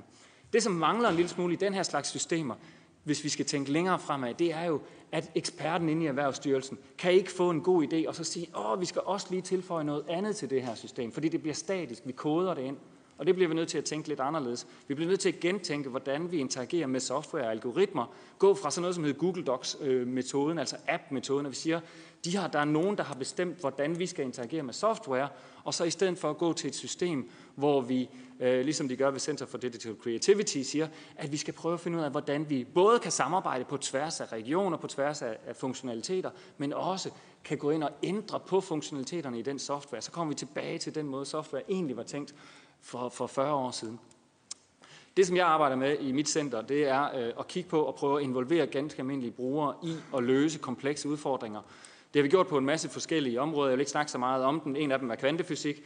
Øhm, Los Angeles Times skrev til et af vores resultater, Take that AI, video gamers solve quantum physics mystery using human intuition. Og det er den der menneskelige intuition, som nu er det vigtige. Fordi det, som vi prøver nu, det er at tage de der flere hundredtusind mennesker og bruge det som et helt unikt laboratorium til for første gang måske systematisk at kunne undersøge den der proces af kreativitet, intuition, ved at tage et interface, lege med det og finde ud af, hvordan skal vi lave et interface for, at vi kan gøre nogle ting.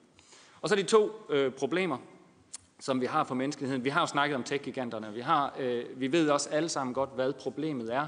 Øh, hvad er løsningen? Hvad er det, vi skal gøre? Vi ved jo godt, at, at, at de kommer til at være ude. De, de, altså, vi har deponeret meget af vores data. Vi har meget af, af, af de har efterhånden monopol på, at have, eller et voksende monopol på at have adgang til adfærdsdata. Og det er den adfærdsdata, der gør, at de har den kraft, der gør, at de kan komme ud i alle kroge af, af vores liv og vores dagligdag. Hvad kan vi gøre ved det? Ja, det som vi tænker på, det er at prøve at gøre netop det der, lære at lave et offentligt finansieret, et offentligt tilgængeligt, et open source projekt, hvor vi skal finde ud af lige så meget omkring den menneskelige interaktion, altså det som Google måske vil sige, hvordan, eller Facebook vil sige, hvordan vi manipulerer, eller hvordan vi kan influere mennesker, det skal vi også vide. Det skal ikke være en forretningshemmelighed, som er kodet ned i nogle neurale netværk. Det skal være noget, der er offentligt tilgængeligt. Og det er noget af det, vi kan gøre. Det vi gør konkret, det er, at vi tager øh, en, en masse psykologiske tests, som er super kedelige og som eksisterer ude i de psykologiske praksiser, og så laver vi dem om til sjove computerspil. Og tanken er så, at så skal vi have hele Danmarks befolkning, hele verdens befolkning til at spille de her spil, til at donere deres data nu ind, så at vi har datamængder, der kan øh, være parallelle med, hvad man gør i Google og Facebook osv., og så kan vi træne netværkene, få de der indsigter omkring, hvordan vi adfærd, hvordan vi opfører os, både på individniveau, altså hvordan er vi individuelt, og også hvordan vi interagerer med hinanden. Det gør vi sammen med DR øh, i sådan et offentligt projekt, øh, finans, øh, hvad hedder sådan et, øh, øh finansieret af vores øh, licenskroner, til at øh, vi laver sådan et øh, øh, projekt, som vi kalder Danmarks nye superhjerne, hvor vi så prøver at opfordre Danmarks befolkning. Og, og DR's involvering i det her har betydet, at vi har et helt unikt datasæt, fordi vi har en flad aldersfordeling fra 15 år og helt op til 60 år, og det kan vi ikke på nogen som helst måde anderledes gøre ved at komme ud i den generelle befolkning. Vi har et datasæt, som, som ingen andre egentlig har haft her. Det kan vi så bruge til alle mulige forskellige ting. For, for allermest vigtigt, så kan vi ligesom demokratisere adgangen til viden omkring os. Det, det kan bruges til alle mulige forskningsting, altså sundhedsdiagnostik og policy advice og personaliseret uddannelse, men i den her sammenhæng så er det også vigtigt, at det kommer til at demokratisere adgangen til innovation. Fordi vi kommer til at kunne tage monopolet på at kunne udvikle nye datadrevne, big data-drevne produkter ud af de øh, store tech-giganter, og så lave øh, små og mellemstore virksomheder, som faktisk kan bruge de her indsigter i konkrete produkter. Så det tror jeg, det kommer til at være en stor øh, indflydelse. Og så måske det aller, aller største problem, fordi vi ved jo godt, at vi skal forandre os. Vi skal forandre os fundamentalt, og den måde, vi skal forandre os på, det er ved, at vi skal omstrukturere, hvordan vi tænker, hvordan vi uddanner os. Både vores uddannelsessystem og også længere frem øh, videreuddannelsessystemerne. Og problemet det er jo, at ligegyldigt hvilken regering vi snakker med, den danske, og når vi snakker med Tommy, så vil han også være helt 100% enig i, at vi skal reformere os. Men der er bare ikke så mange penge på finansloven til, at vi kan lave så store ændringer i vores uddannelsessystem. Så hvordan, når vi alle sammen ved, at det er vigtigt, og vi trods alt alligevel ikke kan få pengene, hvordan kommer vi så til at gøre det alligevel? Et bud, som, som vi har, det er ved at prøve at kombinere nogle forskellige teknologier, helt nye teknologier, blockchain, kunstig intelligens og de frie markedskræfter. Så det vi kommer til at introducere lige her snart rundt om hjørnet, det er en ny kryptovaluta, som er baseret på, at vi alle sammen er enige om værdien af at tage uddannelse. Så det, det hedder The Learning Economy. Og øh, tanken det er, at for eksempel vi kobler sammen med Duolingo, og så kan man for eksempel sidde i en øh, flygtningelejr i et fremmed land, og så har, man kan ikke sproget, man har ingen penge, og tanken er så, at man ved hjælp af de her systemer, så kan man mine øh, nye af de her educational coins. Vi har Mastercard med til også, at det bliver rigtige penge. Og, og, øh, og tanken er så, at øh, en tredjedel af pengene, de går så til den, der har lært noget. En tredjedel går til dem, der udbyder det, så de laver bedre uddannelse, og en tredjedel går til investorerne. Så det vil sige, at nu har vi en måde, hvor vi kan gå til Warren Buffett og til Bill Gates, i stedet for at sige, at I skal donere nogle penge til, at vi kan gøre en forskel, så kan man begynde at investere i det. Vi har, øh, vi har introduceret det på FN's generalforsamling, og, og det bliver nok lanceret her om en uges tid, øh, hvis alle reguleringer går med sammen til, til G20-mødet. Der er måske, vi har omkring 500, eller 500 øh, millioner dollar i, i investeringskapital på det, så der er rigtig meget interesse i at, at gøre noget med det. Og det her det er lidt mere bredt, måske bare et eksempel på, at det vi skal, også i Danmark og, og globalt til, det er, at vi skal fokusere ikke på at tage teknologier og så bare sige, okay, vi skal bruge de teknologier til det, vi altid har gjort. Vi skal bruge teknologier, og så skal vi fremme en evne til at kunne lave helt nye ting, altså innovative ting med, med, med, vores, ligesom, øh, med de nye teknologier. Aller sidste efter speedtalken den er færdig, det er, at Google har jo i mange, mange år haft det her paradigme med, at vi skal have AI first. Og, og der har været en snak om, at i virksomhederne, danske virksomheder, der skal vi også lære dem at lave AI first. Men i stedet for at lære AI first og sige, at vi skal være med på vognen, så kan vi lige så godt spænde hesten for vognen og så sige, at Danmark kunne være det første sted, hvor vi siger hybrid intelligence first. Altså vi prøver at gøre tingene på en ny måde og en bedre måde. Tak skal I have.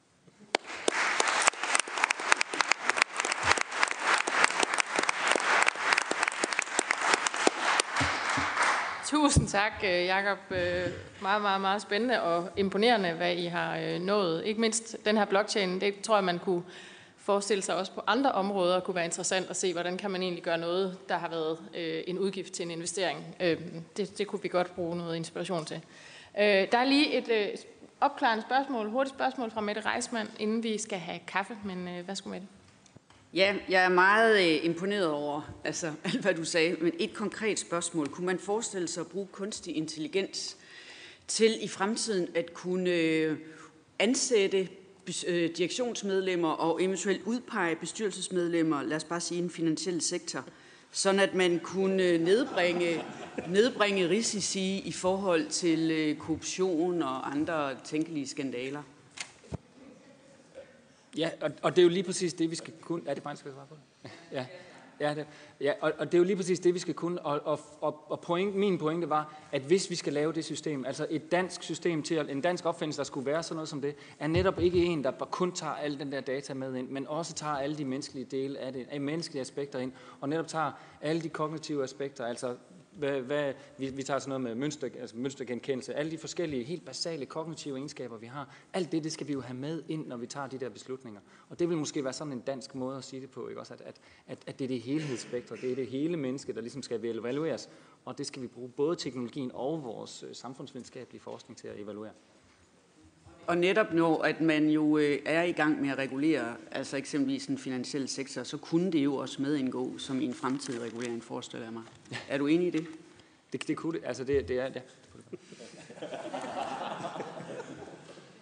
Ida Augen har også lige et hurtigt spørgsmål. Ja, det er også svar, Jacob. Øh, jeg kan rigtig godt lide det der med at demokratisere den adfærdsviden, som vi ved, de store ligger inde med, og som egentlig de bygger alle deres forretningsmodeller på, og simpelthen bare lægge den derud ved at gøre det. Kan man forestille sig, at man også kunne demokratisere the network defect? Fordi det er jo deres anden store øh, supermuskel, ikke? Det er, at man er på deres platform i forvejen, og derfor så ender vi alle sammen med at logge ind med Facebook, logge ind alligevel, fordi ja. vi er dogne. Har du nogle idéer til, hvordan man kunne demokratisere the network defect? Det er selvfølgelig, har I brugt DR, men, men kan der være andre måder, hvis man ja. lige skulle sådan... Ja, og, og det var lige præcis det, jeg mente med, at, at øh, at, at den anden, det andet aspekt af den her monopolisering, det er, at det er meget, meget svært for en ny virksomhed at komme frem. Altså det vil sige, der er den der onde eller gode spiral, hvis man er Google eller Facebook, ikke? også, at, at, at jo mere data man har, jo mere man har til rådighed, jo bedre en service kan man lave. Og den bliver ekskluderende på den måde, at, at, at man ikke kan få de nye alternativer til at komme frem. Men, men hvis man nu forestiller sig, at vi siger, at, at alle de øh, lad os bare sige, øh, indsigter, der skal til for at lave et øh, Facebook, øh, er offentligt tilgængelig, så kan man forestille sig, at der kommer demokratiske alternativer, som siger, vi er lige præcis, vi yder lige præcis den samme service som Facebook, bortset fra, at det og det og det vil vi ikke vælge at benytte os af, for eksempel. Altså, så, så det er bare for at sige, at, at hvis den, den bagvedliggende teknologi til at yde en personaliseret service bliver demokratiseret, altså bliver mere offentligt tilgængelig, så bliver det også nemmere at lave en ny service. Man skal stadigvæk have den til at gå viral og blive stor, ikke? Og det, så, så, så det, det skal man stadigvæk gøre. Men det første, det er, at brugerne er tilfredse med den oplevelse, de får. Og når man går ind og søger med andet end Google, så er man ikke helt tilfreds. Vel? Og, og, og det er noget, måske skridt nummer et, det er, at man har et produkt. Og så kan man begynde at sige, det her, det er det moralske valg, altså Facebook 2, eller hvad det nu er for det, det bliver det moralske valg, og derfor så bliver det også hipt, og så kan det også godt vokse, hvis den får den der start. Tusind tak. Øh, vi er gået en lille smule over øh, tid i, ind i kaffepausen, så nu vil jeg... Øh, vi får åbnet dørene, og man kan gå ud og tage sig en kop kaffe, eller hvad man vil. Men vi korter ned til 10 minutter, så øh, skynd jer at gøre, hvad I skal gøre, og så er vi tilbage her øh, 20 minutter i. Velkommen tilbage. Jeg håber, I nåede øh, kaffe, toiletbesøg, hvad der ellers skulle klares i den her meget, meget korte pause. Men det er jo simpelthen fordi, at vi har øh, fortsat nogle øh, oplæg, vi skal høre, og øh, vi har også, øh, tror jeg, rigtig mange, der sidder herinde, som har øh, lyst til at byde ind i debatten, som øh, vi har reserveret her til, til den sidste time. Så lad os øh, haste videre til øh, den næste blok, som vi har valgt at kalde den sådan, kulturelle påvirkning og så reguleringssporet. Og øh, der er jo, øh, jeg tror, at de to sidste oplægsholdere øh, måske var lidt svære at putte ind under en kategori, men vi forsøgte alligevel.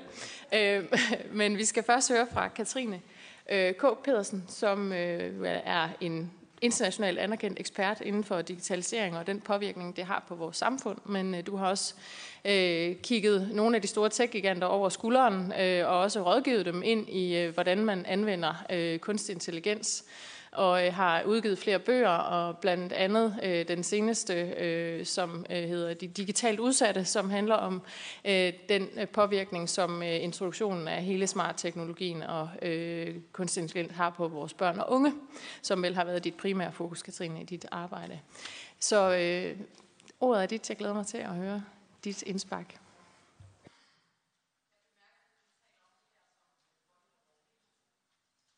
Mange tak. Sådan. Jeg bemærker lidt, at vi, at vi taler om det som godt eller dårligt, om det enten er udvikling, eller om vi er reaktionære i vores tilgang til teknologi. Øhm, og så tænker jeg, at det, der er interessant, i hvert fald i forhold til Silicon Valley, hvor jeg har haft min researchbase, min primære researchbase, det er jo, at kritik og det at være skeptisk faktisk er innovationspotentiale. Fordi det er ved grænsen, at der opstår nye forretningsidéer, og der opstår nye markeder. Og så kan jeg ikke lade mig at tænke på, at dengang man her i Danmark indførte iPads i daginstitutioner. Så talte jeg med den daværende Mr. Big Data, kan vi kalde ham, i Facebook. Øhm, øh, og da jeg fortalte ham øhm, det her med, at vi var i gang med at implementere iPads i øh, tablets, iPads i daginstitutioner, så var han ved at kløje sin sweet potato, og han sagde, you're kidding me. Øhm, det siger jo sådan set øh, ikke, det er jo ikke, fordi han nødvendigvis er øh, modstander af teknologi, men fordi han synes, det var måske var lidt forhastet ting at gøre, inden man havde tænkt sig rigtig godt og grundigt om. Øhm, jeg kunne godt tænke mig, at, nå, nu skal jeg lige trykke på den rigtige her.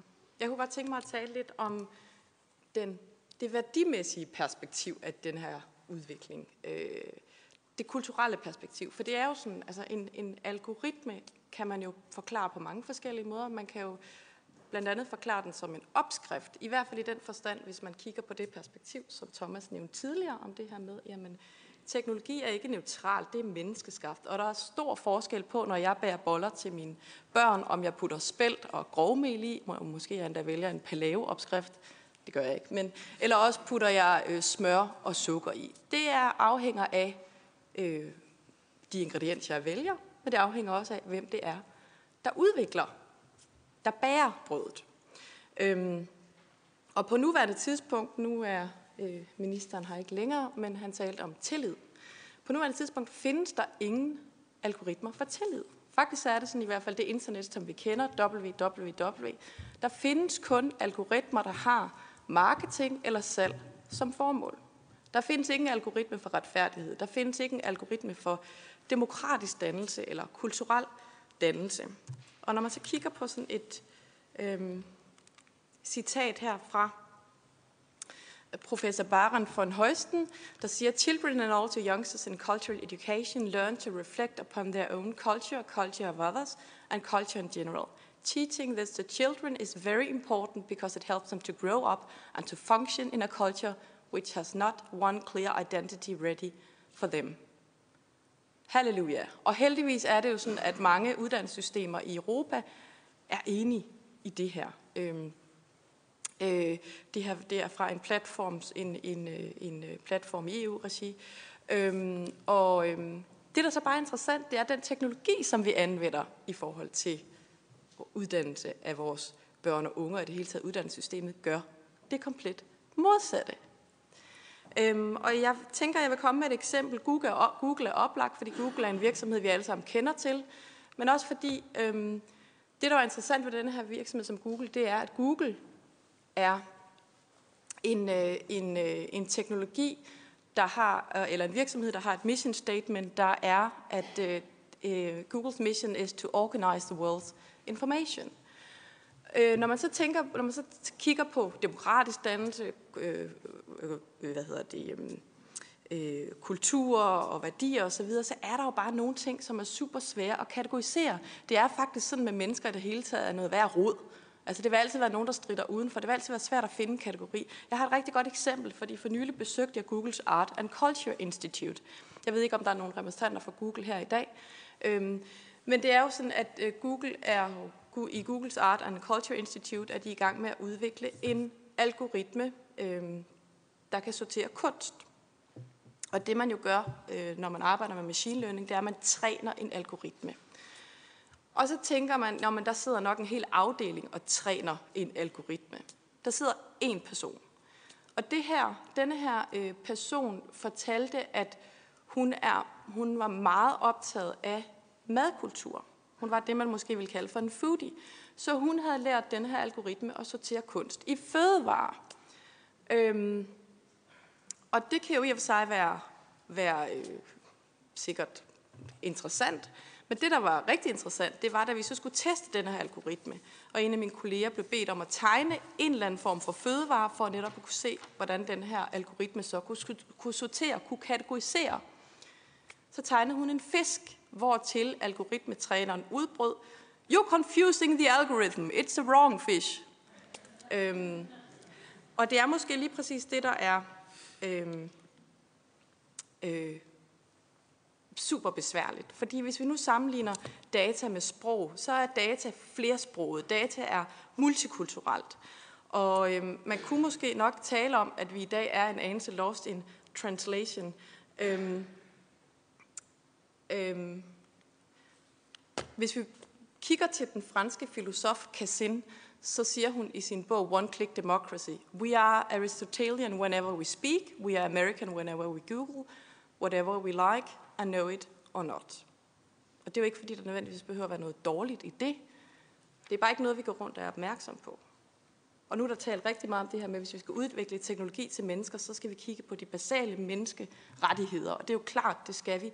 Men vi skal for søren også kigge på, på det lokale. Vi skal kigge på kulturhistorie, vi skal kigge på traditioner, vi skal kigge på alt det, som vedrører de forskellige sprog og lande, de lokale, det lokale, øh, Øh, de lokale parametre. Fordi hvis vi kigger til USA, så er det jo sådan, at man har, der har været øh, stor kritik af den måde, som man har implementeret Google i uddannelsessystemet. Øhm, fordi om man vil det eller ej, så er det jo med til at drive en eller anden form for forandring, hvis man kigger på værdier, hvis man kigger på kultur. For hvad er det for en kultur? Hvad er det for nogle værdier, de her algoritmer bærer? Øhm, og hvad er det for et fokus, man ønsker at have i, sit ud, i, i et uddannelsessystem? Øhm,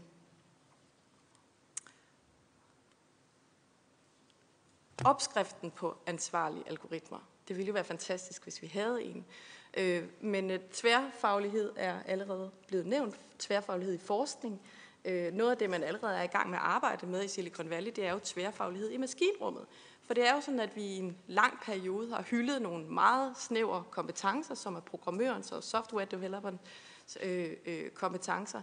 Men man har også fundet ud af, at for at udvikle teknologi til mennesker, så bliver man også nødt til at tænke tværfagligt. Man bliver nødt til at have journalister med, når man udvikler nye medier. Man bliver naturligvis også nødt til at have pædagoger med, eller øh, socialvidenskaben med, når man, eller læreren med, alt afhængig af, hvad det er for nogle, hvor det er, den her teknologi skal anvendes. Vi har en tendens til at forstå teknologi ud fra det, der manifesterer sig på skærmene, men det er uhyre vigtigt, at vi også analyserer alt det, der ligger bag skærmene de intentioner, algoritmerne bærer.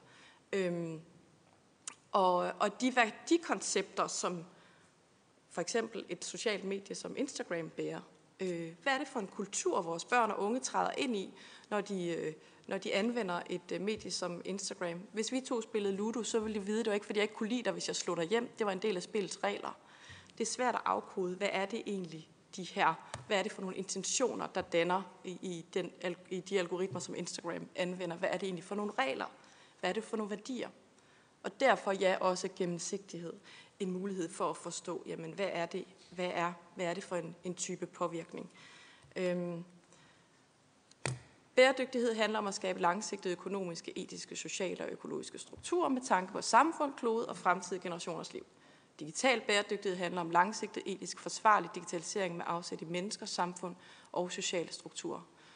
Og hvis man ligesom skulle pege på en, en, et megatrend, øh, så er det måske nok, at øh, i fremtiden, der må vi, øh, må vi øh, bruge historien, øh, fordi det er nu engang øh, der i vores, øh, i vores øh, traditioner og i vores, øh, hvad hedder det, øh, vores kulturhistorie, at vi i den grad kan være med til at påvirke teknologien i en retning, retning som er dybt innovativ. Øhm, og nu tror jeg, at min tid er ved at være gået. Tak for taletid.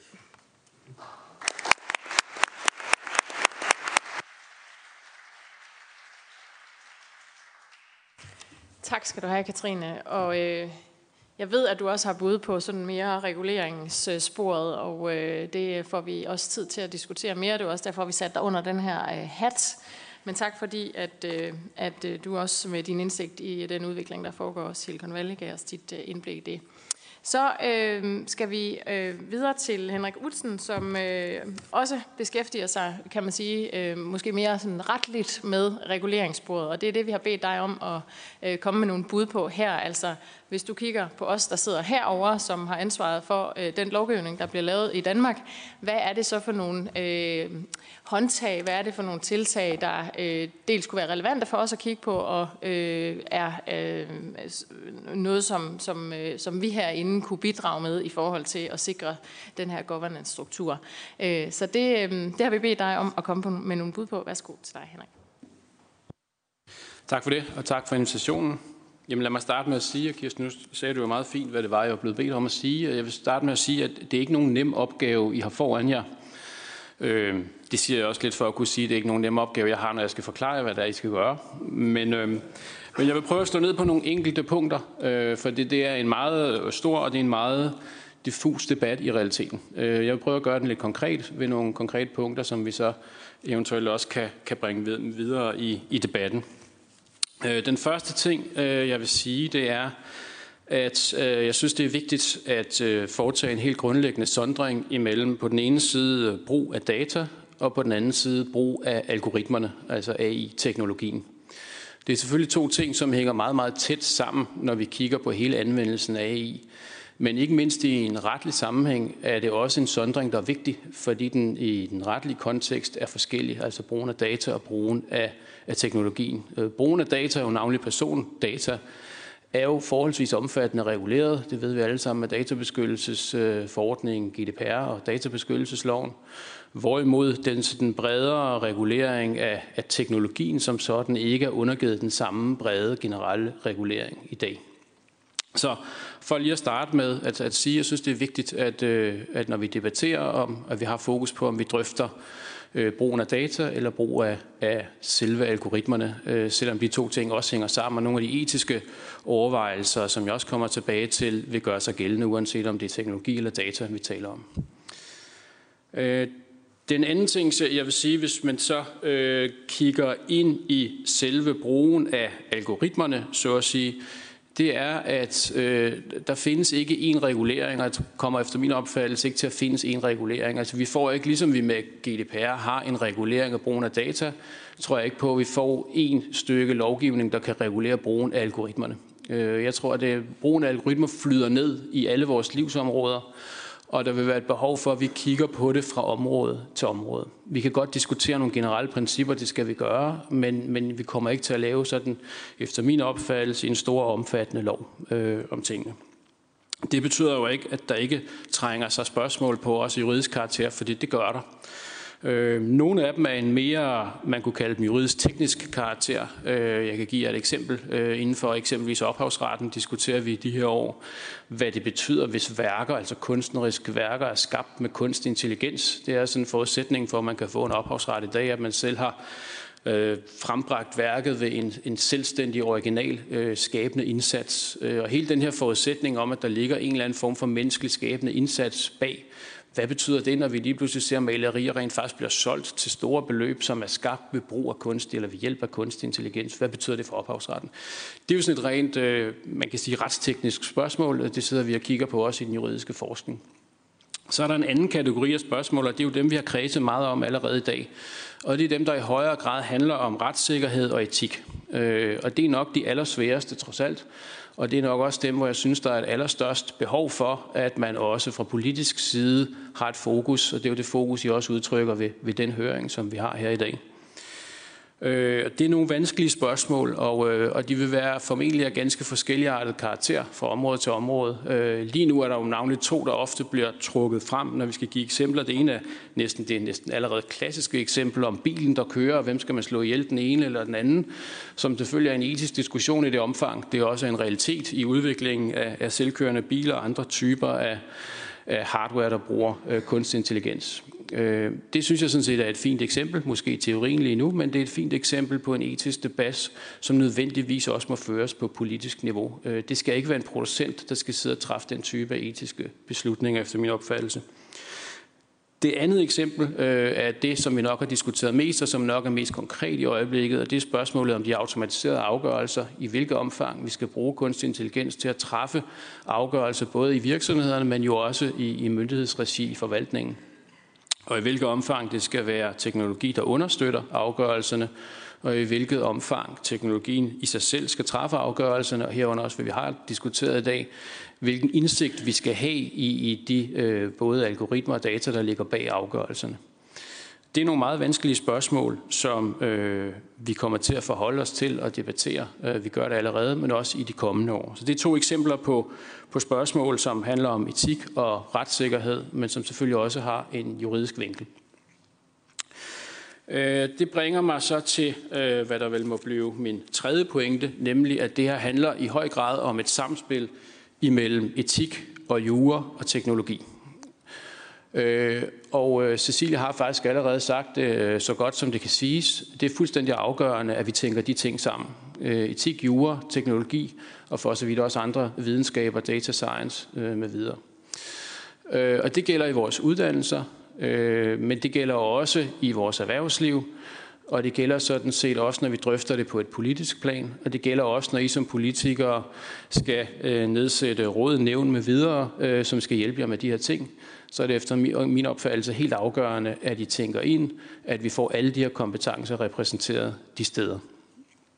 Øhm, jeg ved, at Dansk IT kom med deres anbefalinger til dataetik i går, øh, samme dag som vores ekspertgruppe, regeringsekspertgruppe kom med deres.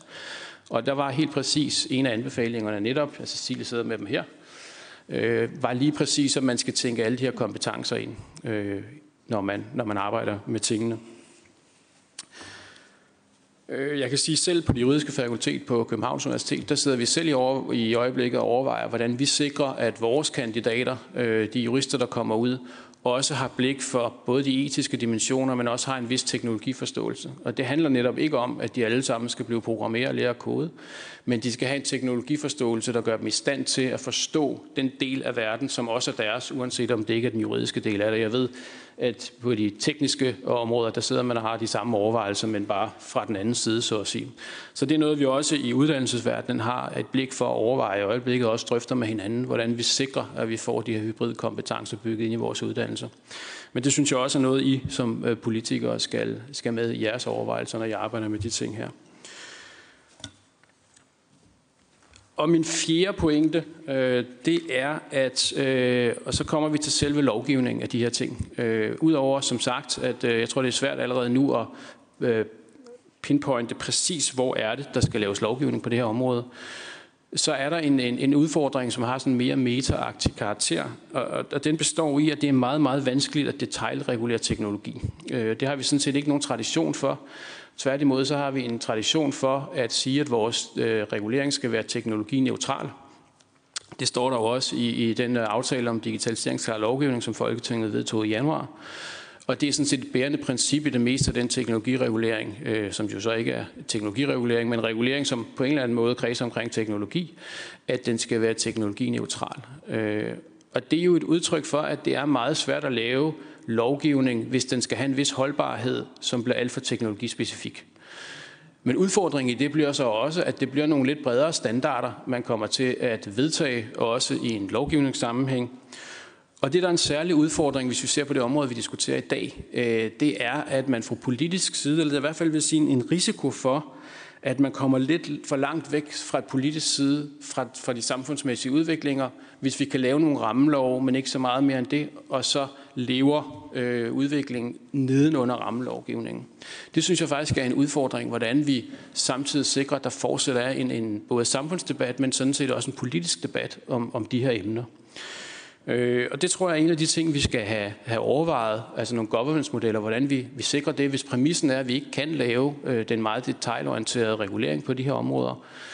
Øh, jeg tror, et af, af, af måderne, det er, øh, så nu regeringens sidste måned øh, kom jo med deres øh, udmelding om, at de vil nedsætte et dataetisk råd. Øh, det kunne være et eksempel på et af de organer, man kan bruge. Øh, Øh, nu ved jeg ikke helt præcis, hvordan rådet bliver sammensat, og hvad det snartige mandat vil blive.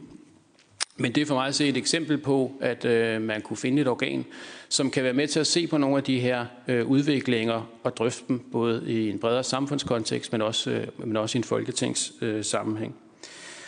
Jeg tror sådan set også godt, at man i andre sammenhænge kunne kigge på nogle af de organer, vi har i dag, og måske også bruge dem i den samfundsdebat, som er helt afgørende, at vi har løbende. Øh, for som Silje også sagde, det her er jo noget i bevægelse, så det er en debat, vi skal have løbende. Det er ikke en debat, vi har, så løser vi den, og så kommer vi videre.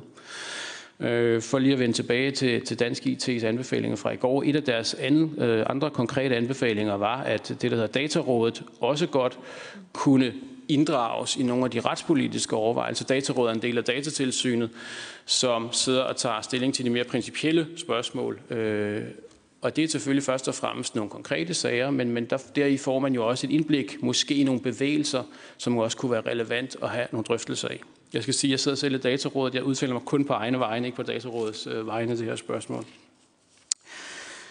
Øh, den sidste ting, øh, jeg vil sige, det er, at vi ser jo, øh, det er måske navnligt, når vi snakker brugen af data i øjeblikket, der kommer jo lovgivningsinitiativer rundt omkring. Vi debatterer dem, og nogle af dem så går bølgerne højt.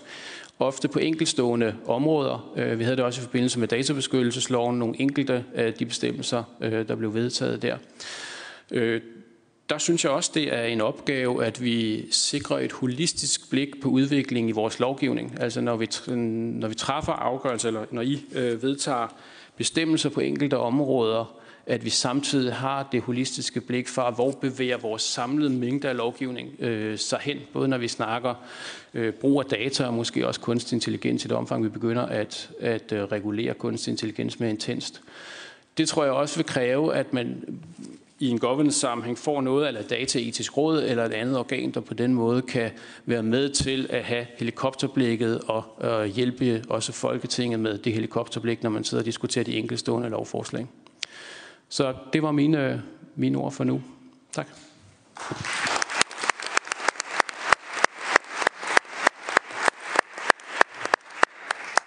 Tusind tak, øh, Henrik, som øh, afslutningen på den her perlerække af øh, oplæg, øh, så synes jeg i hvert fald, at vi har fået øh, mange forskellige perspektiver ind i, i debatten om ansvarlige algoritmer. Så tak til jer alle sammen. Og nu er der så åben for spørgsmål. Jeg glemte at sige i starten, at vi jo har sådan et spørgepanel her af nogle af politikerne fra, herindefra, og så har vi også inviteret Øh, Thomas Damkjær Petersen, som er formand for Ingeniørforeningen, men også formand for Siri-kommissionen. Og det er jo ikke mindst fordi Siri-kommissionen også er medarrangør af høringen her, og selvfølgelig fordi Thomas har nogle øh, interessante perspektiver ind i det her også. Så vi har inviteret Thomas med i, i spørgepanelet her. Så først og fremmest vil jeg høre øh, selvfølgelig panelet, men I må også meget gerne øh, lige om lidt markere, hvis I øh, gerne vil på øh, talerækken, og så mener at vi har en mikrofon, øh, der kan gå øh, rundt. Ja. Thomas, vil du starte? Ja, tak. Og tak til nogle rigtig spændende oplæg. Altså, det, er jo en, det er jo en fornøjelse, vil jeg godt sige, at høre, hvor, hvor vidne I er i panelet om et emne, som, som jeg i hvert fald også kan høre, ikke kun hos, hos jer, men også hos politikerne, optager sindene. Og, og det har det også gjort i både i SIA-kommissionen og i Ingeniørforeningen, fordi det er noget, som kommer til at præge fremtiden, og derfor synes jeg, det er en, altså en, en fornøjelse, så alvorligt de tager det. Altså, det er jo ikke for sjov. Og det synes jeg sådan set perlerækken fra startende med, med dig helt tilbage, Thomas Mygdal, fra, fra din 19-årige start i det her, og til, til din anbefaling til sidst, Henrik, om at et dataetisk råd er, er en, en af måderne til at komme videre på. Så med det vil jeg bare sige, at øh, mine spørgsmål sådan lige nu, de, de, de ligger på det der også, øh, som vi har arbejdet med i, i SIR-kommissionen, også netop på, på blandingen mellem etik og teknologi. Og jeg synes, jeg hører rigtig mange gode indlæg, og, og derfor vil jeg gentage spørgsmålet fra, fra tidligere, det der med, er der noget, vi kan hente fra udlandet? Som, så bare lige det der med på forskningsmiljøerne, som jeg synes er, er vigtigt at få et input til på, på det. Og så bevæger I alle sammen også rundt om, øh, om vanskeligheden ved at i virkeligheden, hvad er forskellen på, altså teknologien skal hjælpe mennesker, der kommer nogle teser frem med, at det kan være, at mennesker bliver øh, ikke nødvendige på jorden længere. Den tror jeg er skudt til, til jorden af os alle sammen her i lokalet. Men alligevel er det jo interessant, at nogen skriver bøger om det. Fordi hvordan kan vi sikre, at, at mennesket bliver kan man sige, omdrejningspunktet for, at teknologien bliver brugt fornuftigt.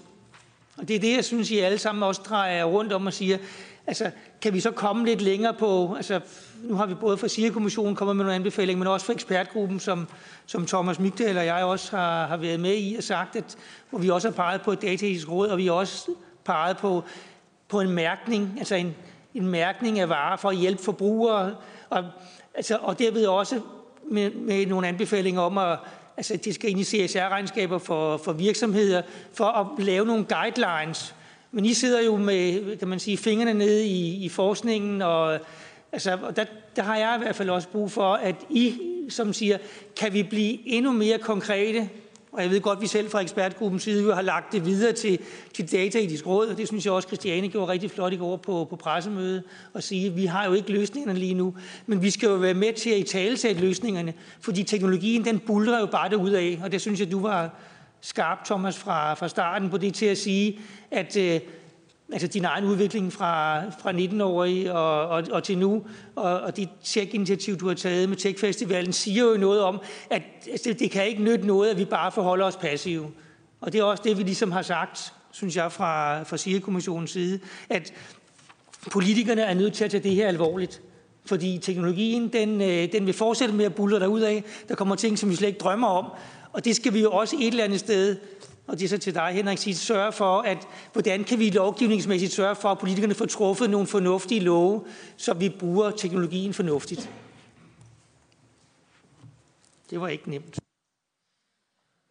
Tak, og jeg håber, I noterer sådan de konkrete spørgsmål, øh, fordi jeg tror, vi tager lige striben her. Alle øh, i panelet vil gerne på, og så øh, får I lov til at respondere på det, og så skal vi også meget gerne videre til salen. Så korte spørgsmål, korte svar. Værsgo. Yes, mange tak. Øh, jeg kan fuldt tilslutte mig rosen til panelet.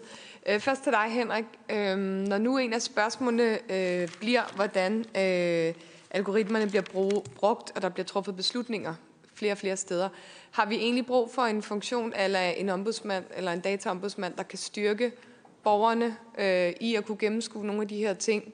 Øh, skal vi tænke det med ind der? Så er det et spørgsmål til et par af andre. Det kunne være Ja, det ved jeg ikke, hvem jeg skal stille det til. Thomas måske.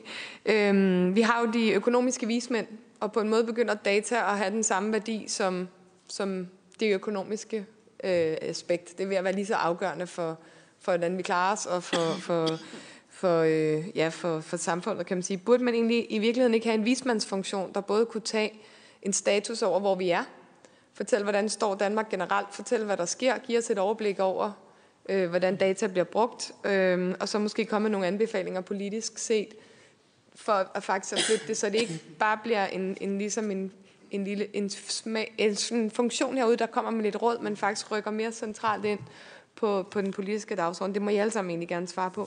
Øhm, så har jeg til øh, Katrine, og måske også til Jakob, øh, den her sådan uh, out of control AI, som jo kunne skræmme nogle af os til døde for et par år siden, at nu ville det hele komme ud af kontrol, og vi ville få en generel AI osv., som jo der er kommet lidt ro på. Har den ikke har den ikke også været en afledningsmanøvre? Altså, det er vel ikke for sjov, at det er Elon Musk og company fra Silicon Valley, der er gået og snakket om det, Ray Kurzweil, for at vi måske ikke skulle kigge på det, der skete lige foran snuden af os. Altså, at de tog alle de her data og brugte det, og tog så meget indflydelse over vores liv, mens vi rendte rundt og kiggede på out of control AI. Bare for lige at høre, øh, for vi ikke... Altså, jeg, nogle gange kan man godt være bange for at lægge sådan en død for tidligt, men det synes jeg alligevel, I siger, at vi skal. Det kommer ikke lige forløbig.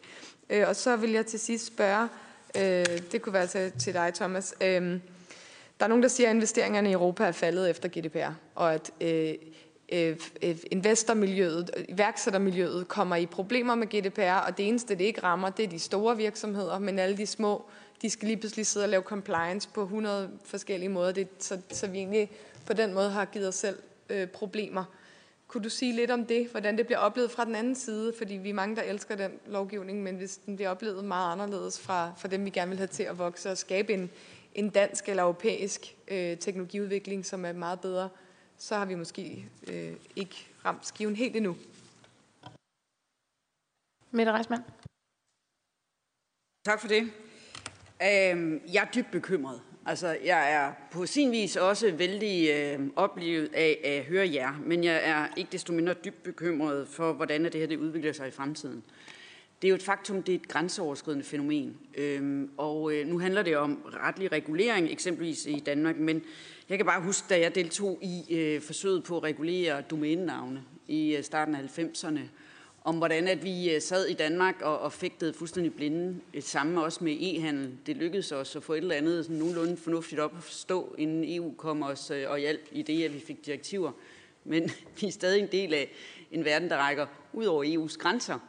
Så, så mit spørgsmål er vel egentlig også øh, set i den kontekst af, at øh, altså, Thomas, du nævnte lidt om, hvordan er det, de øvrige lande agerer, hvad er det for et incitament, de har? Altså USA, ja, corporate business, ikke? Rusland, det er ren destruktion, ødelæggelse.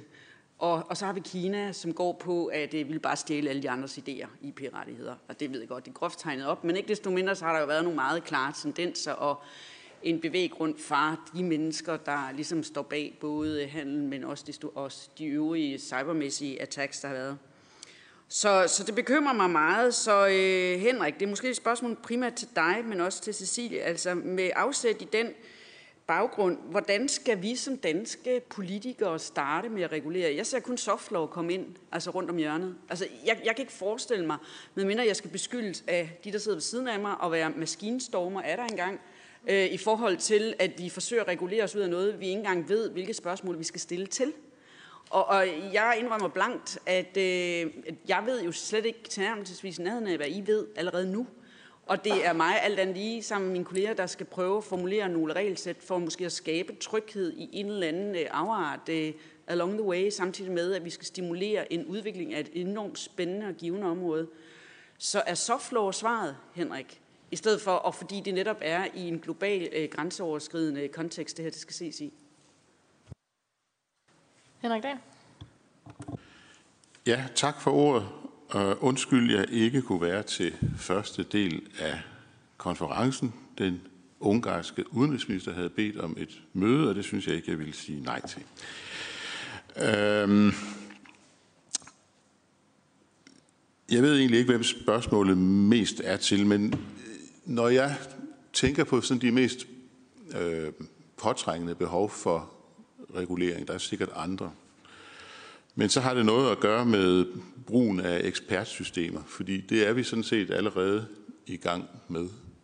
Og der synes jeg ikke, vi er øh, der, hvor, hvor vi skal være. Øhm, en gang imellem dukker der morsomme eksempler op i medierne. Jeg, jeg så en, en familie, der var havde tastet forkert på deres GPS. De skulle til Capri, som er en populær feriedestination i Italien.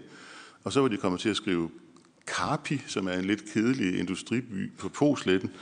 Og så var de bare kørt derhen, fordi øh, der var ikke nogen, der sådan havde overvejet øh, nærmere, hvor man lige, hvordan hvad retning bilen den øh, bevægede sig. Det er jo selvfølgelig komisk, øh, men det er jo dårlig brug af ekspertsystemer. Øh, I den mere alvorlige øh, andel, der styrtede Air France fly ned for nogle år siden, og det styrtede ned, fordi piloterne ikke var i stand til at gennemskue den underliggende fysiske realitet under flyvningen på grund af deres instrumenter. Og det er jo meget vigtigt, når de her systemer sætter ud, at man kan, at man kan sige, hvor meget fart har vi egentlig på, hvor højt er vi, flyver vi op eller ned eller lige ud. Øh, og, vi, og de, det var de faktisk ikke klar over. De tabte fart, og så reagerede de ved at trække flyet op. Og et fly, der ikke har nogen motorkraft, og man hiver det op, det styrter ned. Og der døde næsten 300 mennesker. Så der er jo et eller andet spørgsmål om ansvar for brug af ekspertsystemer, og jo bedre ekspertsystemerne er, øh, jo mere galt kan det jo sådan set gå, når man ikke bruger ekspertsystemerne fornuftigt. Og det er jeg egentlig meget øh, optaget af.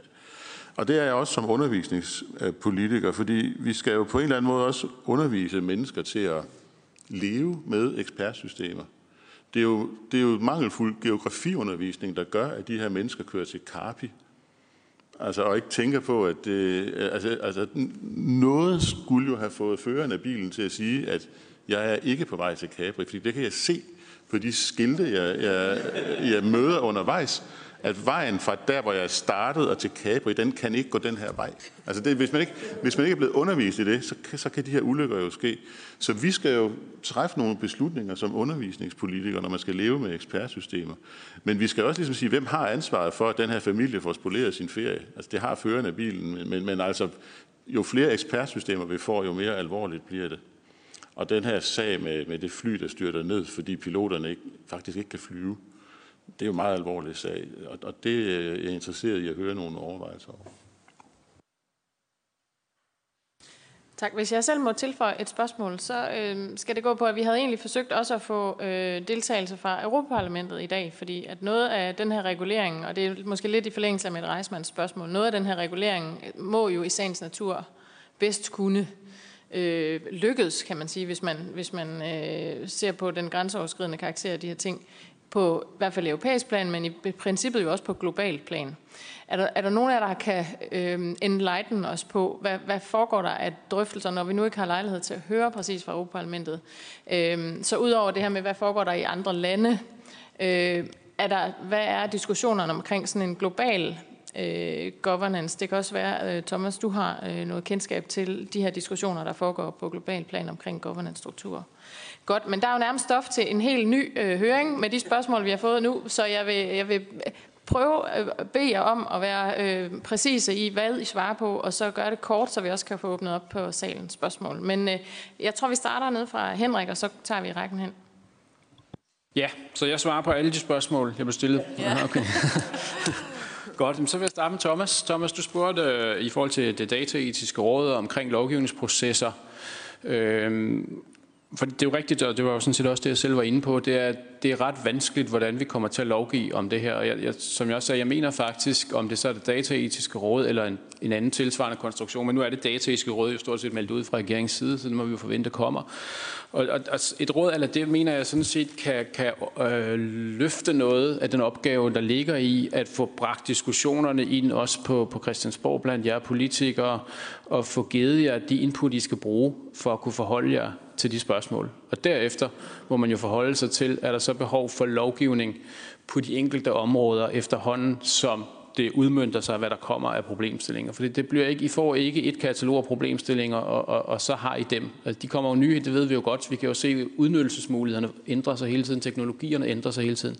Så I bliver simpelthen nødt til at have nogen, der kan hjælpe jer med løbende at sige, hvor er udviklingerne lige nu, og også øh, hvor er risiciene, og hvor er de etiske overvejelser, som det sidder lige nu. Det kunne være et dataetisk råd. Lad mig lige tilføje til det, omkring, øh, nu, nu hedder det jo så et dataetisk råd, men jeg synes jo, det er vigtigt, at det ser det i en bredere kontekst end kun dataspørgsmål. Det var det, jeg startede med at sige. Ikke? Og det er både databrugen, men sådan set også brugen af algoritmer og teknologi i bredere forstand, øh, og de udfordringer, det, der er knyttet til det. Og så Ida, så spurgte du, om der, der kunne være behov for en dataombudsmand.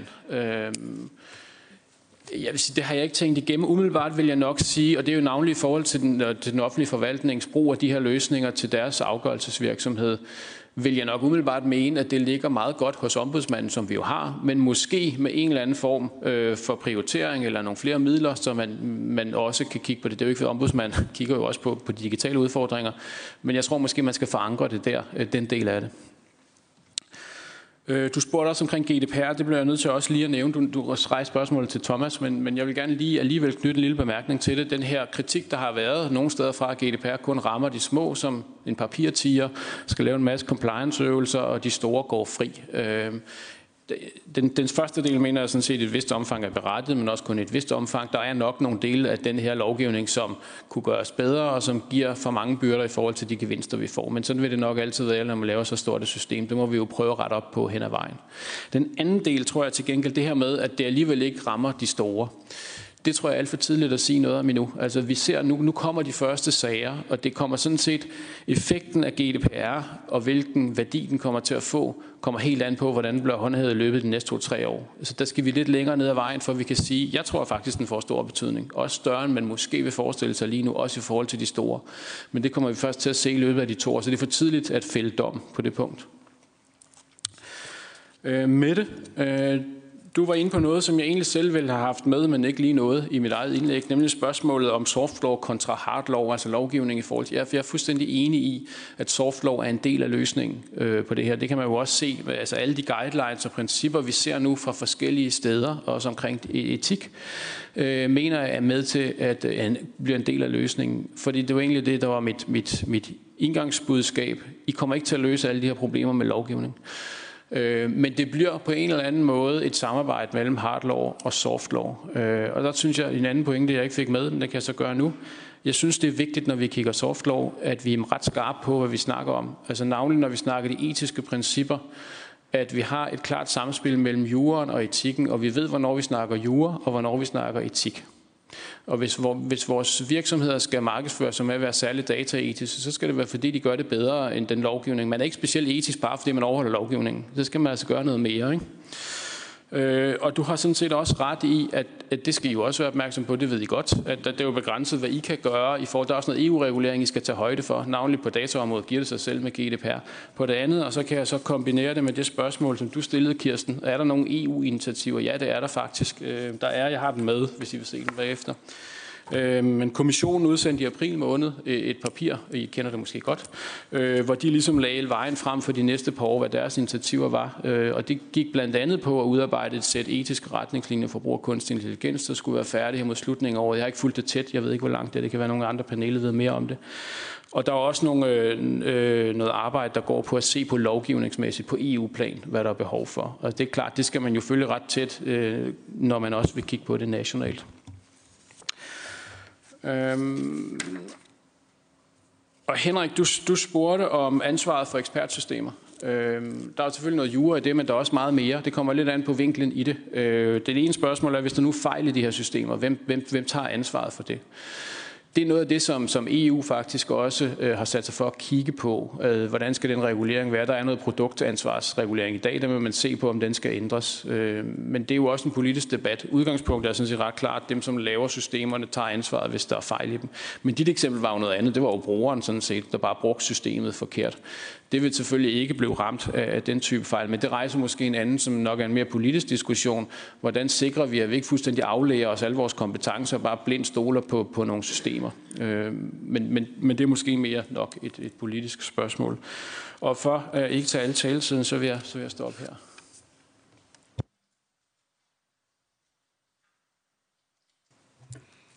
Det korte svar må blive jo til spørgsmålet om, hvorvidt de her sci-fi stunts, øh, Elon Musk sci-fi stunts i, i øh, Silicon Valley på en eller anden måde en afledningsmanøvre. Men jeg vil også sige generelt i forhold til data og big data, så er øh, forretningsmodellen jo også, kan man sige, at fjerne viden og gøre information og viden eksklusiv. Vi har ikke som forbruger adgang til vores dataprofiler. Vi ved ikke, hvordan de bliver beregnet, hvilke kategorier vi bliver puttet i, øh, og hvordan vores data analyseres og anvendes. Øhm, så man kan jo sige, at agnotologi, offentlig uvidenhed på mange måder, er forretningsmodellen i Silicon Valley, i hvert fald når det kommer til øh, big data.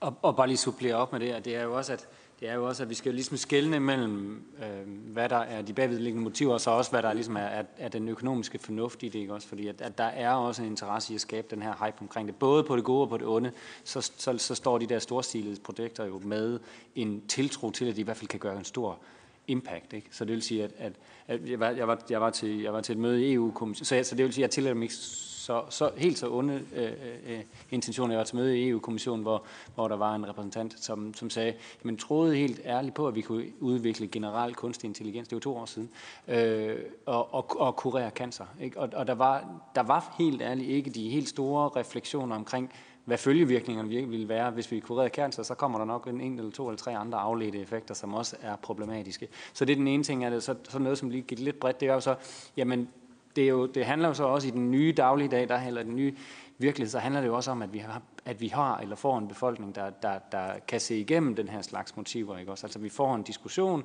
som både går den langsigtede træk, som er lidt kedelig med uddannelse, ikke også? At, vi, at vi virkelig skal have højnet vores niveau i at kunne se igennem alle de her forskellige mekanismer, sådan at, sådan at de ikke kommer til at kunne drive en dagsorden, der er den forkerte. Fordi alle de her projekter, og det er noget, som, altså noget af det, som forskningen er rigtig god til, det er jo, øh, det kan jo godt være, at, at, at øh, mange af, af de øh, projekter, som vi starter op, de bliver så kommercialiseret på et tidspunkt, og så får de 10 gange så meget øh, hvad skal man sige, impact, fordi at de har så meget øh, øh, pengebaser, men, men mens de er i det her offentlige domæne, der har vi en, en mulighed for at sætte dagsordenen. Og det er det, som for eksempel det her projekt, som jeg har med, med, med at lave kognitiv profilering, det kan godt være, at det fejler 100%, men i mellemtiden, der kan vi i hvert fald lave, øh, være med til at sætte en dagsorden omkring, hvordan vi skal behandle data. Altså, det kan godt være, at det her projekt egentlig skal, skal, skal sætte en dagsorden, det det slet ikke okay at gøre den her slags ting, men, men det kan vi være med til at influere ved at være med på det, på det front.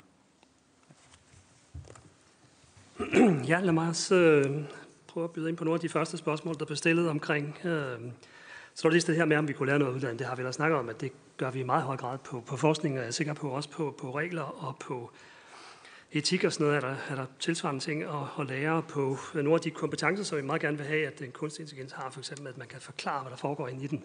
Det er de steder, hvor der virkelig sker store fremskridt forskningsmæssigt i øjeblikket. Og det er internationalt. Altså det er ikke noget, vi sidder og finder på i København alene. Det er også alle mulige andre steder, de arbejder med det. Og det vil blive til et, et, et, nogle værktøjer, som vi kan bruge, og så de skal udvikles over tid.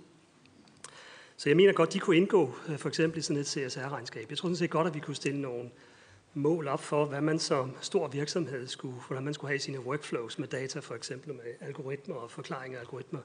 Der synes jeg, at vi er så langt nu, at vi godt kunne lave det som et, øh, et tillæg til, til de andre øh, CSR-regnskaber, som store virksomheder skal lave. Man kan også forestille sig, at nogle af de her ting vil opstå som, som ny forretningsområde og, og lave mærkning, eller Trustpilot og så videre. Ikke? Der kunne man sagtens forestille sig, at det var en forretning i sig selv. Der er journalister, der er gået sammen om at lave troværdighedsmærke, okay. hvis der må flagge fake news og så videre. Ikke? Og det kunne man sagtens forestille sig, at de vil kunne, kunne bidrage til, at man reducerer de, de risici. Så er det her med out of control AI, som jeg, jeg er sikker på, at øh, har været et mediestunt. Øh, så det bygger på, på nogle ting, der faktisk stammer fra noget forskning. Det er fra Bostrøm øh, i Oxford, som, som skrev de her bøger, som var meget sådan, også dem-agtige omkring AI. Og jeg tror, at alle, der arbejder med AI, vil sige, at det er jo slet ikke den dimension, det handler om. Det handler om at lave værktøjer, som kan gøre os bedre til det, vi er rigtig gode til i forvejen. Ikke? Og der er det jo klart, at det er en demonisering, som, som skaber opmærksomhed, og det tror jeg, der er nogen af dem, der har haft behov for at, at påkalde sig simpelthen. Øhm, så er der en diskussion omkring øhm, GDPR, øh, at det selvfølgelig lægger en masse begrænsninger. Men faktisk, når man taler med nogle af dem, der sidder og arbejder med, da, øh, med, med data, for eksempel i øh, finanssektoren, i bankerne, så ser de det faktisk som et fremskridt. Øh, så på den ene side øh, er der selvfølgelig nogle begrænsninger, nogle ting, man ikke kan gøre. Men ved at man får de her meget detaljerede øh, tilsavn om, at man må bruge data, så får man faktisk adgang til at gøre nogle ting, man ikke kunne gøre før. Så det er egentlig ikke, jeg tror også set fra altså, forretningsmæssigt synspunkt, at det er egentlig bare en slags afklaring af, hvad for nogle spilleregler vi har. Og det gør det selvfølgelig meget bedre, øh, også for dem, der skal lave services, at de ved, hvor de kan gå. Og nogle gange kan de gå længere, end de kunne før, hvor det måske var mindre klart. Øh, så øh, var der det her med, at, øh, at det hele er selvfølgelig grænseoverskridende lovgivningsmæssigt, og, og det er jo ikke sikkert, at det er nok, at EU øh, ligesom laver regler, og vi har forsøg på at aligne nogle af de her, for eksempel de nye øh, ting, der ligger i, i, øh, i forlidet, er, som er ligesom med verdensmål og sådan nogle ting. Ikke? Man kan sagtens forestille sig, at det kunne komme op på et højere niveau, men det er klart, det er jo en kæmpe ting allerede, hvis EU kunne blive enige om at lave nogle øh, for vores marked og så videre, kunne lave nogle beskyttelser. Så jeg synes, det er en god begyndelse, men vi skal selvfølgelig tænke, tænke videre end det også, øh, og forsøge at gå foran med et godt eksempel, men vi skal også øh, blande ved det, vi snakker om før, med at udvikle de her læringsværktøjer, altså undervisningsmaterialer og sådan noget, og sørge for, at, at de bliver set i resten af verden. Sådan at øh, Afrika for eksempel, hvor det boomer i øjeblikket med, med IT, at det ikke bliver et nyt øh, Wild West, øh, men, men i stedet for bliver noget, der er, er sustainable også på, øh, på CSR-dimensioner. Vigtigt. Øh, et af de spørgsmål, der vist var rettet til mig, tror jeg, var, øh, øh, der handlede om, hvad skal vi så gøre? Hvordan skal vi udvikle love? Hvad skal, vi, hvad skal I egentlig gribe og gøre endnu? Jeg er ikke sikker på, at jeg måske er den helt rette. Juristerne er nok mere på banen der.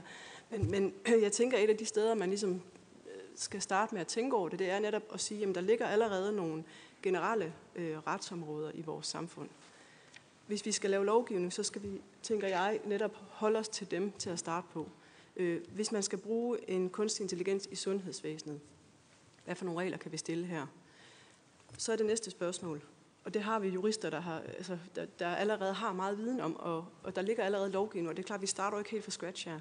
Øhm, og det næste spørgsmål, der også var, det her, hvordan undgår vi, at, at vi så får lavet en hel masse lovgivning, der fuldstændig får kvalt enhver udvikling øh, af teknologi inden for det her område. Øh, og det er ikke noget, jeg har tænkt over før, men, men igen, hvis, hvis vi... Altså, vi kan selvfølgelig forestille os jurister, der bliver uddannet, der har speciale inden for det her, og ved, hvad, hvad må man, hvad må man ikke, som kan blive uddannet til at indgå, altså komme ud i virksomheder og hjælpe. Men det er klart, det er kun de større virksomheder, der har råd til at have sådan en, øh, sådan en person siddende. Hvad med de små? Hvis vi skal have et startup-lag, der ikke skal rave sig uklar med loven, hvad gør vi? Der må man kunne stille noget til rådighed. Altså man kunne stille noget viden, altså nogle jurister til rådighed, der kan rådgive, ligesom hvis jeg... Øh, så havde du øh, et rigtig godt spørgsmål. Hvad gør vi med vores overdrevne og, altså teknologitiltro? Altså det her med, at vi tænker, nu har vi lavet noget teknologi, og så kører det. Altså nu har vi et eller andet robot, der kan øh, skære i folk. Vi sætter den sgu ind og, og kører løs med nogle knive og så videre.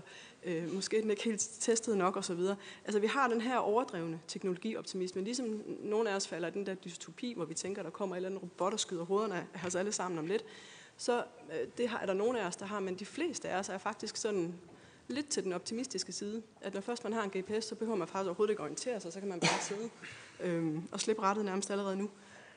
Øh, hvad er svaret på det? Jamen, øh, at der er debatter, at medierne bringer den her dagsorden frem, der viser os. Det skal vi ikke. Vi skal ikke slippe rettet, øh, når vi bruger en eller anden teknologi. Øh, vi skal diskutere det, vi skal oplyse. Øh, oplysning fra folkeskolen, oplysning i gymnasierne. Øh, få det her ind, få spredt viden om det her. Øhm, ja, havde jeg noget, jeg skal ligesom der var noget mere. Øhm, ja, ej, jeg tror, jeg, jeg giver ordet videre. Tak, jeg skal prøve som sidste her at gøre det kort. Øhm, I forhold til de konkrete anbefalinger og, og hvor vi er, så tror jeg, det er vigtigt at kigge på lidt med optikken, hvordan vi ser på det her. Øh, det var også derfor, jeg bragte perspektivet med det vilde vesten frem, øh, fordi det har været det vilde vesten. Øh, hvad hedder det? Øhm, indtil videre, hvad kan man sige, har vi for eksempel i Danmark haft øh, den danske digitalisering er primært en, en økonomisk perspektiv på ting. Vi skal spare penge. Øh, og min farfars gamle konvolutfabrik. Hvad hedder det? Øh, hvis vi kigger på øh, mange af de her ting, så er de enormt teknologideterministiske øh, til big AI, der overtager menneskeheden osv. Øh, hvad hedder det? Kontra øh, lidt mere den humanistiske øh, tilgang, som vi, vi anlægger her. Så jeg tror, det er vigtigt at konkludere jo, at, at vi er en verden, hvor vi ikke rigtig har fokus på for det her integreret i vores institutioner, i vores øh, eksisterende demokratiske funktioner, ombudsmand og så videre, som vi allerede øh, sidder og snakker om her nu. Øh, også hvad vi ser med dataetisk råd, det er fantastisk, at vi kan komme med en øh, anbefaling i går, øh, som jo har været seks måneder undervejs, der, der siden da øh, vi startede på projektet, øh, har været udmeldt af samtlige partier, partier og institutioner i Danmark også som en god idé. Øh, hvad hedder det? Mm, på det dataetiske råd, som vi ser som jo en helt øh, en, en selvfølgelighed. Selvfølgelig skal vi da have det, øh, ligesom der var et behov for, at vi havde et etisk råd, da, da bioteknologien og DNA kom og begyndte at stille nogle meget eksistentielle spørgsmål. Og det er jo derfor, at vi har den her udfordring, at, at hvis vi bare kører på fra en økonomisk tilgang, eller en teknologideterministisk tilgang, så kan vi smide alle vores øh, retsprincipper, hvem vi er som samfund, ud med badevandet meget nemt. Hvis man, jeg bruger meget tid i paneldebatter med, med, med borgmester for eksempel, og de mener jo bare, at det er enormt effektivt at masseovervåge hele befolkningen øh, for at finde den enkelte lille, øh, eller den enkelte øh, sociale tilfælde det er en enormt, ja, det er smart, og det er enormt fascinerende, man kan det med algoritmer, men jeg er ret sikker på, at folkeskolelærerne også godt ved det i forvejen. Issueet er, at vi ikke har råd til at gøre noget ved, ved det. Ikke? Men igen den her meget teknologideterministiske ting. Lad os masse over alle, for vi kan finde noget, vi nok i virkeligheden godt ved i forvejen. Øhm, så bevidstheden om konsekvenserne ved de handlinger, vi tager i den her tid, er enormt kritisk. Ligesom at øh, os, der var en del af bygge alle de her delingsteknologier, hvor vi deler vores liv og vores billeder og vores, vores tanker med verden, aldrig forestillede sig, at det ville medføre, at vores teenager i dag har øh, teenagepiger har identitetsproblemer med Instagram og så videre. Vi har aldrig tænkt på, at det her det var jo noget, der var en så fuldstændig utopisk tanke for 15 år siden, at nogle mennesker overhovedet ville dele deres liv. Og nu lever vi i en verden, hvor selvfølgelig ville det blive et problem, men det var jo ikke noget, vi var bare fascineret, at det kunne lade sig gøre dengang, og det også ville have gjort rigtig mange positive ting. Så jeg tror, det er vigtigt. Vi er i gang med at implementere det her i alle vores institutioner. Vi kan sikkert ende med at gøre det for meget, og på nogle områder skal vi have det ind i de eksisterende, og det er jo også en politisk kamp. Ikke? Vi står med et datatilsyn, der stadigvæk ikke vil engagere sig i at, at, øh, at regulere Facebook i Danmark for eksempel, selvom man kunne vælge at gøre det i morgen. Men det er meget convenient at lade det overlade det til irerne, hvor der sidder et menneske oppe i Irland og skal regulere Facebook i hele øh, EU. Ikke? Og det er et godt eksempel på, at vi bliver nødt til at være lidt mere aktivistiske, og vi bliver også politiske, at I går til vores eksisterende og få deres pres på at genopfinde sig selv i en digital verden, og faktisk engagere sig i de her problematikker, fordi det er kritisk. Og det er den tid, vi er i lige nu. Altså, det er jo positivt også, hvad vi ser med den her høring og alle de udfordringer, vi har. Det hele er en stor øh, øh, balance de næste mange år, øh, helt sikkert. Så var der spørgsmål om GDPR-investering. Jeg vil sige, du kan helt sikkert i Silicon Valley, så griner de af det og synes, vi er håbløse og, og ser det, som om vi har skabt os øh, et kæmpe handicap øh, ud fra hvad, hvad de normale paradigmer. Jeg vil dog sige, at jeg synes, at den diskurs, vi ser også hos de unge iværksættere nu til dags, er, at de forstår samfundsorienteringen. De forstår, at de er et produkt af det samfund, øh, de er blevet lavet af. Og hele den der sådan meget øh, øh antisamfundsdiskurs øh, er ikke rigtig eksisterende. Øh, omvendt så er der en masse usikkerheder, for eksempel også med GDPR, i forhold til hvad retspræcedens faktisk bliver i løbet af de næste par år. Så kan man diskutere, om det er bedre for iværksætterne, de tør at tage risikoen, fordi de 4% af deres omsætning er ikke noget, mens 4% af, af en stor omsætning er noget. Øh, hvad hedder det? Men der er klart, at der er mange usikkerheder lige i øjeblikket i forhold til, hvordan reguleringen endelig ender, og der er mange startups, der lige pludselig øh, ender med at bruge meget lang tid på GDPR, øh, for eksempel sundhedsområdet og andre områder. Øh, ultimativt vil jeg sige, at jeg synes, at, at der er, og det er også det, vi ser med Tech Festival, at, at der er en, en forståelse af, at det her det er the proudest moment of Europe, og det er også der ved at rejse sig. Jeg synes, det er, der, det er mere den der stolthed, der er ved at finde, indfinde sig. Øh, men det kræver selvfølgelig også, at vi, øh, alle de her teknologifolk engagerer sig, og også at de offentlige systemer er klar til at modtage øh, folk, der frivilligt vil hjælpe med at, at sørge for, at de offentlige IT-løsninger bliver gode og bliver helhedsorienterede, og, og man forstår konsekvenserne af dem. Og det er virkelig det, jeg vil sige den sidste at, til spørgsmålet omkring påfuglene. Vi har brugt enormt lang tid på Silicon Valleys påfugle. Ikke? Kig herover, kig herover. Selvkørende biler, selvkørende biler. Selvkørende biler kommer ikke de næste 5-10 år stadigvæk, og i øvrigt bliver nok selvkørende busser, fordi vi som samfund ikke kommer til at acceptere individuel øh, persontransport på det tidspunkt, fordi det er simpelthen for omkostbart. Hvad hedder det, eller også er det for den ene procent. Øhm, vi øh, har med Tech Festival har vi enorm morsomhed i at have fået sat fokus på det kæmpe område, der er det dominerende mobilitetsparadigme i øjeblikket, der hedder micromobility, cykler og løbehjul, som er den helt store revolution i hele verden. Det var der ikke nogen, der lagde mærke til, fordi alle snakkede om Silicon Valley's selvkørende biler og big AI øh, visioner, som er meget nørdede. Og det skal vi igen også huske, at mange af de her ledere, de her virksomheder, er ekstremt nørdede. Altså, øh, øh, Googles ledelse sidder i dag på en sydhavsø. Øh, Larry Page kan desværre ikke tale mere. Øh, det er sådan set direkte ud af sådan en Citizen Kane-film. Han sidder på en Bahamasø øh, og tager beslutninger for alle vores egen vejen. Øh, nu har jeg øh, personligt haft fornøjelsen af at være til øh, meget intime middag med ham og alt muligt andet. De her mennesker er enormt nørdede. Det er helt vildt. Altså, der, det er jo Stanford PhD'er i, øh, i algoritmer, ikke? Øh, og ikke alle de andre ting. De synes bare, at samfund er en gammel teknologi, der er outdated, der ikke rigtig giver mening. Og og derfor giver den her ultimativt er nogle af de her ting jo antidemokratiske på mange måder. Det jeg ser lige nu, og det positive budskab, jeg vil ende på, det er det der, jeg synes, vi er i gang med at finde os selv i Europa, i Danmark, i Norden, hvad hedder det, og vi er også ved at skabe en begejstring, for det skal man også huske, det Silicon Valley kan, det er at skabe begejstring. Ikke nødvendigvis om noget, der i virkeligheden er noget indhold i, men de er enormt dygtige til at lave gode prototyper og store visioner, og skabe begejstring om ønskværdige fremtider. Hvad er de ønskværdige fremtider, vi kan for vores børn kan give i en verden, hvor de har klimakriser, datakriser, politiske kriser, samfundskriser, øh, demokratiske kriser, de vokser op med? Hvad er den, hvad er den smukke påfugl, vi kan tegne for dem, der er en ønskværdig fremtid, der er baseret på teknologi. Og det er jo det også klokke her. Der er jo ikke noget nyt, at vi mennesker har behersket teknologi. Det er, hvad der definerer som mennesker, at vi kan finde ud af at bygge værktøjer. Der er ikke noget af det her, der er nyt. Det er gammelt alt sammen. Men det er en enorm brydnings- og friktionstid, vi er i lige nu. Tak. Tak skal I have. Nu er der et kvarter tilbage, og øh, jeg kan se mange hænder i vejret allerede. Jeg tror, vi tager som en spørgsmålsrunde og en øh, final øh, runde i panelet, og ser, hvor mange øh, vi kan nå. Men øh, vi starter her med dig.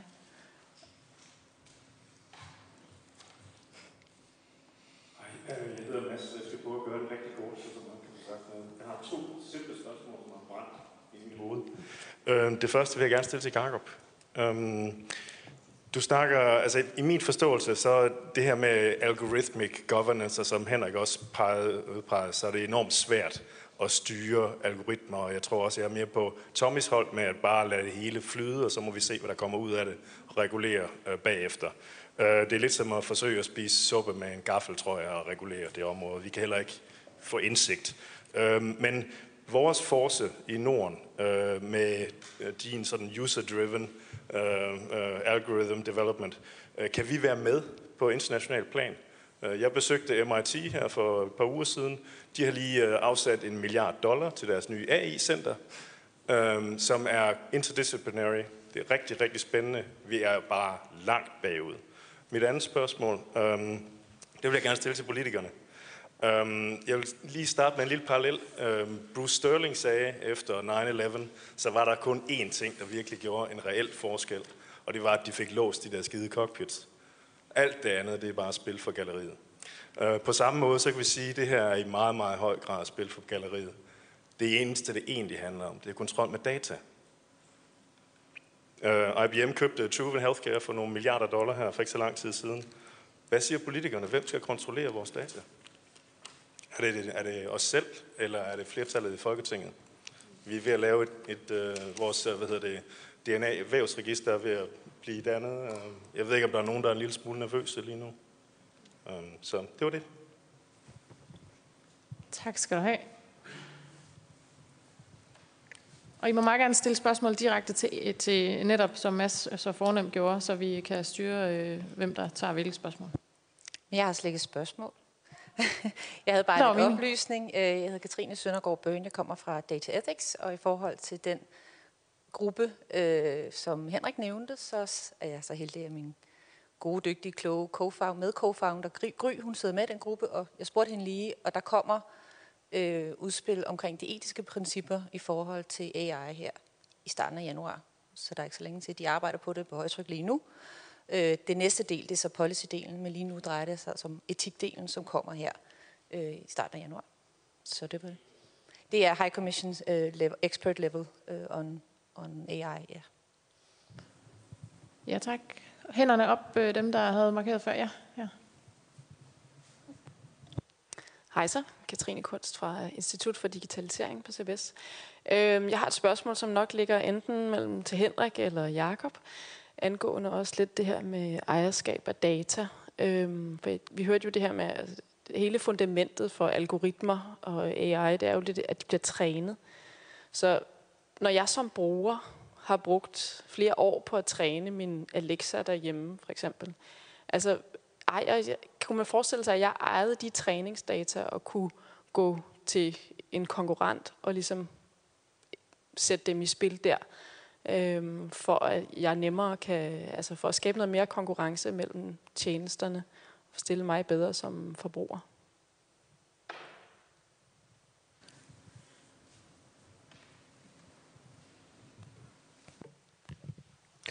Morten Jastrup, hold op, undskyld.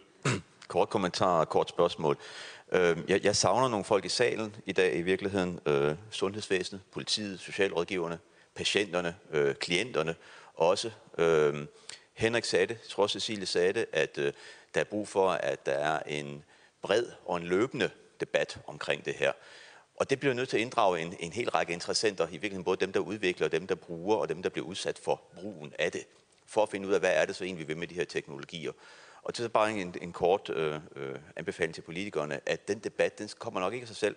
Den skal nok gødes, og det synes jeg, man godt kunne kigge på som politiker, hvis man savner nogle håndtag at gribe i med det her. Det andet det er et spørgsmål, og det er nok mest rettet til Henrik. Øhm, jeg synes ikke i dag, vi har talt særlig meget om, øh, om offentlige indkøb. Øh, men, men rammer for, hvad det er, det offentlige vil investere i på det her område, kunne jo også være en, en, øh, noget, der var værd at se på i virkeligheden. Kunne man ikke forestille sig, at man sådan forholdsvis simpelt kunne sige, at en borger må ikke stille sig ringere retssikkerhedsmæssigt efter gældende lov, hvis de helt eller delvis får deres sag behandlet via en algoritme?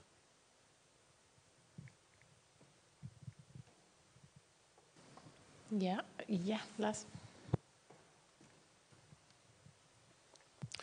Øhm, jeg kunne godt tænke mig nogle refleksioner over den her hope, hype and fire positioner, der er i diskussionen. Altså, for eksempel så, mm, Mette sagde, at du bliver kritiseret for at være sådan en strammer eller sådan noget lignende, og fordi du ikke kun købte softlaw. Øhm, jeg, jeg tænker, kommer det, fordi vi kommer til at bruge de her pessimisme eller eller teknologistormer, eller, eller kommer til at bruge alle de her begreber helt forkert. Øhm, jeg, jeg synes et eller andet sted, vi mangler en politisk vision for, hvor vi vil hen, i stedet for at sige, eller i stedet for at kalde hinanden teknologistormer, eller optimister, eller sådan noget, så begynder at sige, hvad er det egentlig for et samfund, vi vil have med det her? Og jeg tror godt, man det er muligt at gøre sådan noget politisk, øh, og jeg tror også, det vil kunne ende i noget regulering, Henrik, og det er måske der, hvor der er et spørgsmål, det her. Øh, det kunne også ende i noget regulering, Øh, hvis nu man for eksempel sagde, at man laver en overordnet vurdering, der er nogle forsigtighedsprincipper i den her vurdering af de her applikationer, man gør det, det kunne være i forbindelse med offentlig indkøb, men det kunne også være i forbindelse med åbne tjenester.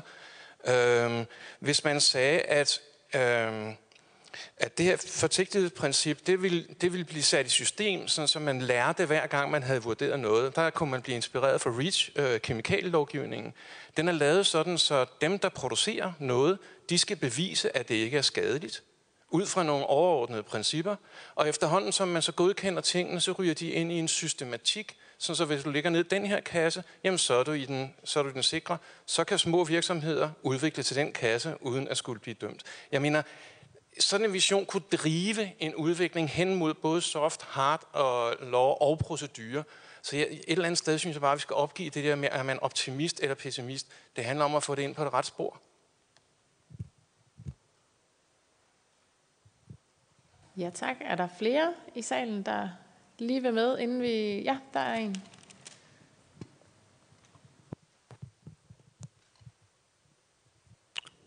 Tusind tak. Jeg vil gerne spørge, øhm, i forhold til, at vi prøver at beskytte vores privatlivsdata, den værdi er vel ikke absolut. Øh, det har nogle omkostninger, nogle økonomiske omkostninger, nogle forskningsmæssige omkostninger. Jeg kunne godt tænke mig at høre panelet generelt, tror jeg. Øhm, hvor bør vi sætte grænsen for de data, som vi lader offentlige institutioner og vores øh, universiteter bruge, når vi samtidig lader store private virksomheder øh, have adgang til store mængder af vores data? Gode spørgsmål, og øh, der er otte minutter tilbage, før vi skal være færdige herinde. Så øh, en appel til korte, præcise svar på, på det, der blev spurgt om. Øh, der var også nogle spørgsmål til øh, politikerne, og der, øh, så de får også lige lov, øh, mine kollegaer her sidst. Men øh, der var i hvert fald, jeg har noteret øh, et par stykker her. Og, øh, skal vi starte med Henrik igen, og så øh, Godnat. Jeg har noteret tre spørgsmål. Øh, det første det var et spørgsmål om ejerskab til, til træningsdata, som er et godt spørgsmål, fordi det sådan set øh, jo kan være noget, der får meget værdi. Altså den type data, det er sådan set et ret stort spørgsmål, både i, i sundhedssektoren, men også i det hele taget om, omkring ejerskab til data. Øh, det korte svar er, at man kan sagtens forestille sig, at man har øh, nogle rettigheder til sine egne træningsdata. Der er nogle forskellige juridiske øh, regelsæt omkring det. Det behøver vi ikke gå ind i sådan teknikaliteterne omkring, men der kan både være noget beskyttelse af database, men det kan også være personoplysningsbeskyttelse. Og der er jo faktisk i GDPR en regel, der siger, at man har ret til dataportabilitet, altså man kan flytte sin datasæt fra en udbyder til en anden. Så, så det er der i et vist omfang tænkt ind. Jeg kan godt uddybe det bagefter, hvis du, du Øh, så var der øh, et spørgsmål omkring, nu skal jeg se, om jeg kan se, hvad jeg har skrevet, sagsbehandling øh, via algoritmer. Øh, jeg tror, det var derhenne, her. Øh, altså om man ikke måtte blive stillet dårligere, man kunne lave noget lovgivning, der sagde, at man måtte ikke blive stillet dårligere, hvis man fik behandlet sin sag via en algoritme, end ellers. Øh, det tror jeg sådan set nok, man vil sige allerede vil gælde som sådan et generelt forvaltningsretligt princip, at man ikke skal stilles øh, dårligere. Øh, men det er selvfølgelig spørgsmålet, hvordan vi så sikrer det også i praksis. Og så kommer vi jo til nogle af de her spørgsmål, om man skal have nogle nærmere regler for, hvornår den offentlige forvaltning bruger de her typer af systemer, og hvordan de bruger dem. Øh, vi har faktisk også i GDPR nogle overordnede regler om, om brug af automatiserede afgørelser, men, men, men de er sådan ret overordnede, at man kan lave nationale regler. Så det er faktisk et eksempel på nogle områder, hvor man også her fra Christiansborgs side vil kunne påvirke, hvis vi ønsker det. Det er nok et af de områder, hvor jeg faktisk mener, at, at det kunne give, give mening at overveje på sigt også hard law øh, i, i relation til nogle af de ting, vi diskuterer her.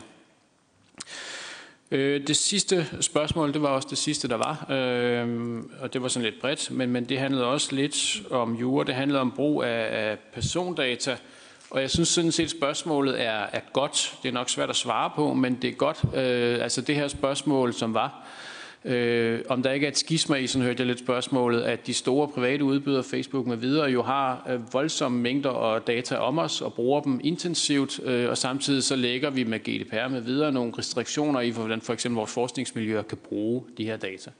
Og det er et paradoks i et eller andet omfang, øh, det må man sige.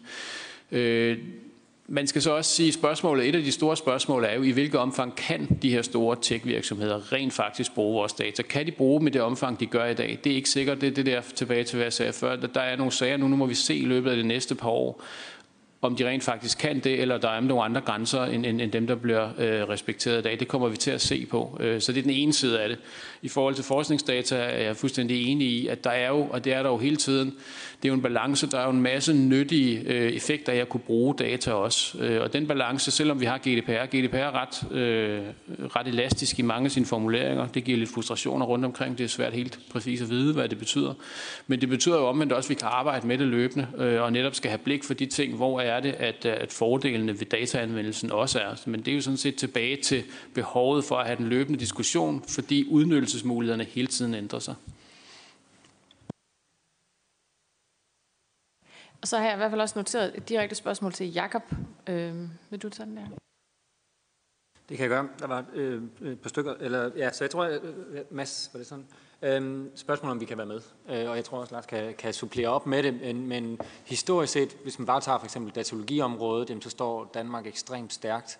Øh, vi kigger lige på nogle statistikker. Øh, for eksempel inden for en område, der hedder Human Computer Interaction, som er noget af det, der er lige ned i kernen af, hvad vi er, hvor, hvor til den sidste øh, Øh, store konference, der hedder KAI, der, der lå Danmark på sådan en 6. plads af, hvad for nogen der kom. Så, så historisk set ekstremt øh, velrepræsenteret og, og rigtig dygtig, og det spørgsmål er, jamen kan man, skal, kan man skalere med op nu, og, eller kan man følge med, når der bliver skaleret op, og det er jo i virkeligheden et, et, et fremtidsspørgsmål og et politisk spørgsmål også. Ikke?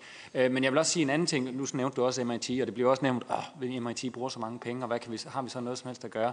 Og, og jeg nævnte bare lige hurtigt kort, at, at at vores CEO der fra, fra, fra, fra Learning Economy tog til, øh, MIT, som er, som er eksperter i, hvordan man laver blockchain, og de, havde, de var eksperter i, hvordan man sætter det op, men de havde ingen anelse om, hvad man skulle bruge det til. Altså det var chokerende at snakke med dem om, hvor lidt refleksion der var omkring, hvad man kunne bruge den der nye teknologi til. Så det synes jeg er, er noget, som, som er meget tankevækkende i hvert fald også der.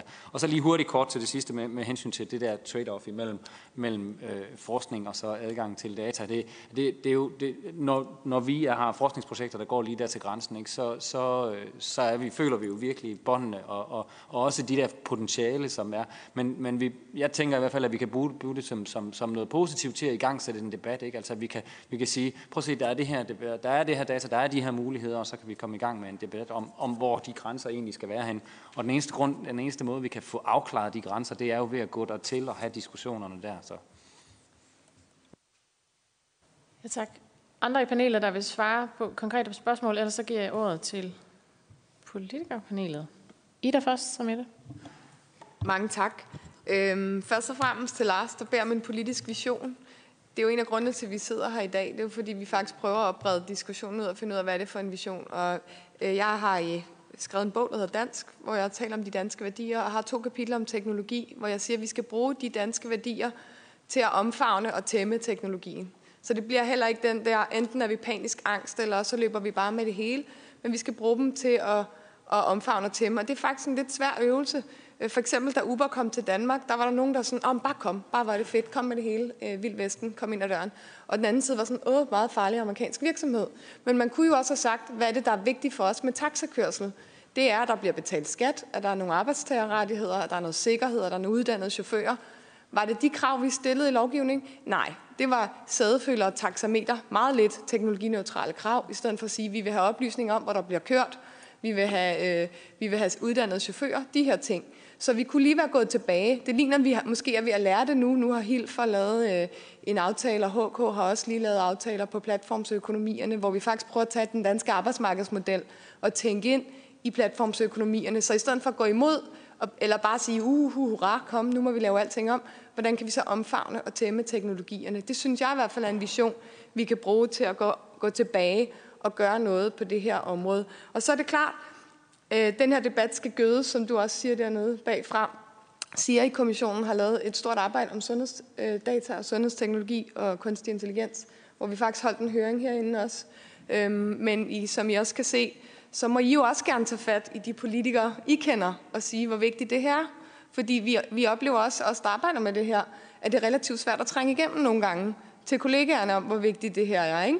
Så øh, det kunne være super godt, hvis, I, øh, hvis alle jer, der sidder her, også tager et politisk ansvar for at gå tilbage der, hvor I er, og sige, hvorfor det her er vigtigt, og få det forklaret. Øh, fordi det er så store beslutninger, som Thomas øh, Madsen Mygdal siger, vi står i, i en øh, brydningstid. Så det sidste, jeg vil sige, det var til dig, Cecilia, som sagde, at der er områder, hvor vi ikke skal have robotter, for eksempel ældreplejen. Der vil bare sige, at jeg har en svigermor, som får støvsuget, og hun glæder sig rigtig meget til, når hende her dame kommer og støvsuger. Øh, hun gør jo det rent i forvejen, for der er pænt, når hun kommer og støvsuger. øh, og så kommer der en dame ind i 10 minutter, der bare løber rundt, og så løber hun ud af døren igen. Og jeg er sådan lidt, kunne det være, at det var bedre, at der kom en dame ind og satte en støvsuger i gang, og sad og snakkede 10 minutter med min svigermor. Så nej, vi kan ikke bare sige, at vi vil ikke have robotter, eller vi vil gerne vil have det. Men hvis vi bruger dem til at effektivisere mennesker væk, og fjerner de varme hænder, og fjerner nærværet forkert, hvis vi bruger dem til at løfte servicen sådan, så der kommer en ind og sætter sig ned og giver noget tid rigtigt. Og det er altså mere rocket science er det jo heller ikke, øh, end at det er de her måder, vi kan tage nogle af vores værdier og lige genminde os selv om, hvad var det, der var vigtigt. Og derfor så er det jo en meget, meget stor samfundsdebat, vi er i gang med, og det er alle områder, som I siger, øh, der skal tages fat på. Og så er det jo godt at lytte på juristerne, der nogle gange har tænkt det igennem, og faktisk siger, at vi behøver ikke at genopfinde alting. Vi kan putte det ind i den eksisterende ombudsmand. Vi behøver ikke at have en ny, men give ham et databen, for eksempel. Sådan noget synes jeg er enormt brugbart og nyttigt. Så også tak for jeres mange fremragende input i dag. Det har virkelig været glad for. Ja, øh, Mads, du stillede et konkret spørgsmål til mig omkring, hvem skal bestemme, skal et flertal i Folketinget, eller hvem? Og jeg bare, jamen, lad mig starte lidt tilbage, fordi at vi havde en målsætning op igennem, jeg vil sige, slut 80'erne og 90'erne og frem til i dag, at Danmark skulle være det, det mest digitale samfund. Det må man sige, det er vi blevet. Altså, vi er jo simpelthen et af de samfund i den frie verden, som i den grad arbejder både inden for det offentlige og også inden for det private på det her punkt. Vi er samtidig også det mest tillidsfulde folkefærd i hele verden. De to ting er ofte en meget skidt kombination. Og det har vi jo blandt andet fået belyst med forskellige ting her. Og, så derfor er mit korte svar til dig, at Folketinget skal faktisk bestemme. Og så hvis ikke du er enig, så må du stemme på nogle andre politikere næste gang. Men jeg mener det. Jeg har en fortid i at arbejde netop omkring forbrugerbeskyttelsen, når, det tager, når vi taler om øh, beskyttelse af personlige data.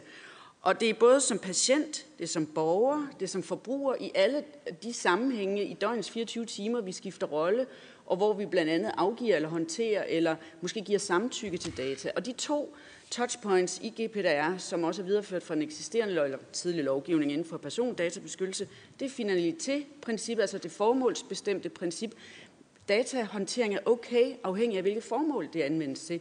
Og så er der selvfølgelig samtykkebestemmelsen. Og samtykkebestemmelsen, jeg er ked af at sige det, de større, den største del af danskerne kan jo ikke forstå og håndtere det.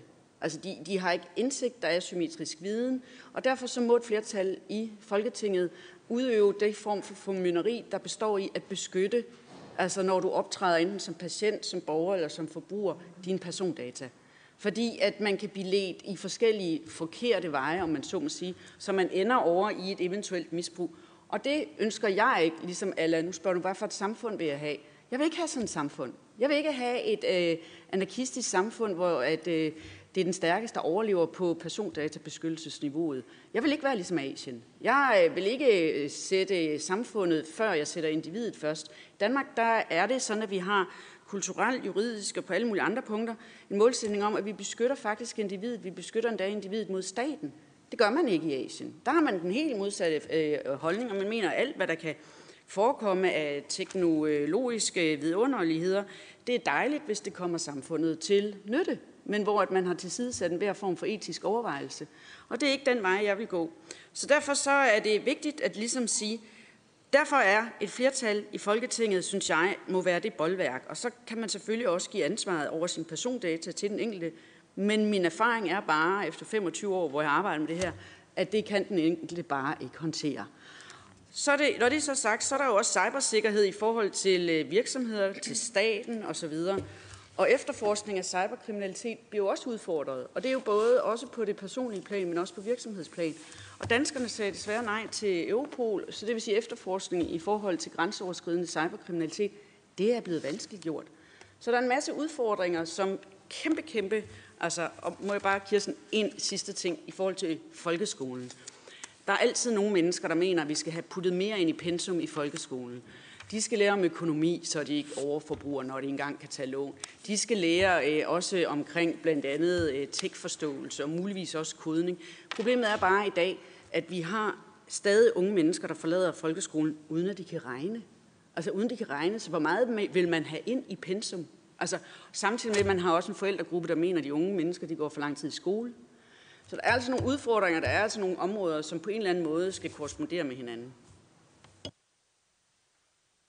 Øh, Øh, ja, jeg skal prøve at gøre det nogenlunde kort. Altså, jeg, jeg, de her ting er svære. Jeg, jeg får sådan en afløb for, når, når politik bliver alt for tosset, så får jeg afløb ved, at jeg er, jeg er medlem af en gruppe, hvor man kan foreslå historier til Rokokoposten.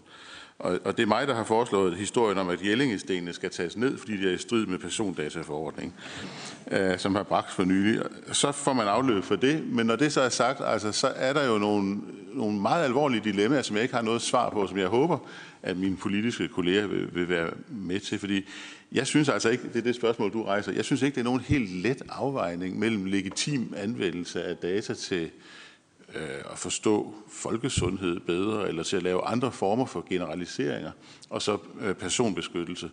Fordi jeg vil meget nødig komme i en situation, hvor vores øh, forskningsmæssige mulighed for for eksempel at trænge dybere ned i forståelsen af, af sygdomme, øh, eller lave bedre øh, generaliseringer af, hvordan samfundet sådan i det hele taget fungerer, hvis det bliver sat over styr ved en forkert afvejning mellem øh, legitime hensyn og øh, ejerskab til data, så synes jeg, det vil øh, være et, øh, et tilbageskridt. Øh, det sidste, jeg vil sige, at vi var, nogle af os var til en konference i Japan øh, her i september måned, hvor vi så nogle af de muligheder, der er for at forstå sygdomme ved at bruge store mængder af data. Og det er meget, meget spændende og nyttigt, øh, det man kan nå frem til. Og jeg vil være ked af, hvis det var på min vagt, at der blev sat en stopper for det, samtidig med at jeg fuldt ud anerkender, øh, hvad skal vi sige, de beskyttelser af individet, som du også nævner øh, med det.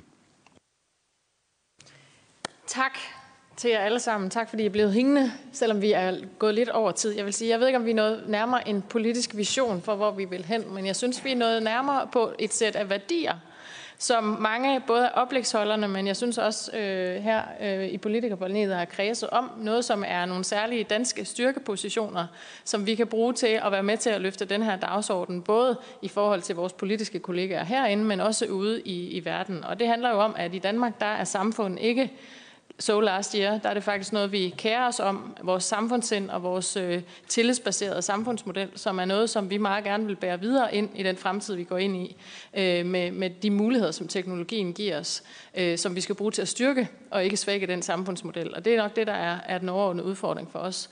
Øh, andre værdier som åbenhed og gennemsigtighed har vi haft øh, nævnt, øh, at vi vil bruge det her til at bidrage til at skabe den bæredygtige verden, som øh, måske er den helt overordnede politiske vision, som vi alle sammen arbejder hen imod. Jeg har bemærket, at der er flere, der har verdensmålspinden på herinde. Det er jeg glad for at se, fordi det er vel det, der skal være den overordnede rettesnor for, hvad det her gerne skal hjælpe os med at nå frem til. Så med de ord, Tusind tak til øh, meget, meget, meget øh, dygtige, indsigtsfulde oplægsholdere. Tak til øh, panelet, og tak til jer, der mødte op. Og så endnu en gang tak til SIRI-kommissionen, tak til AI Safety øh, og til Ingeniørforeningen for at være medarrangør af denne her høring. Så øh, på udvalgets vegne, mange tak for i dag.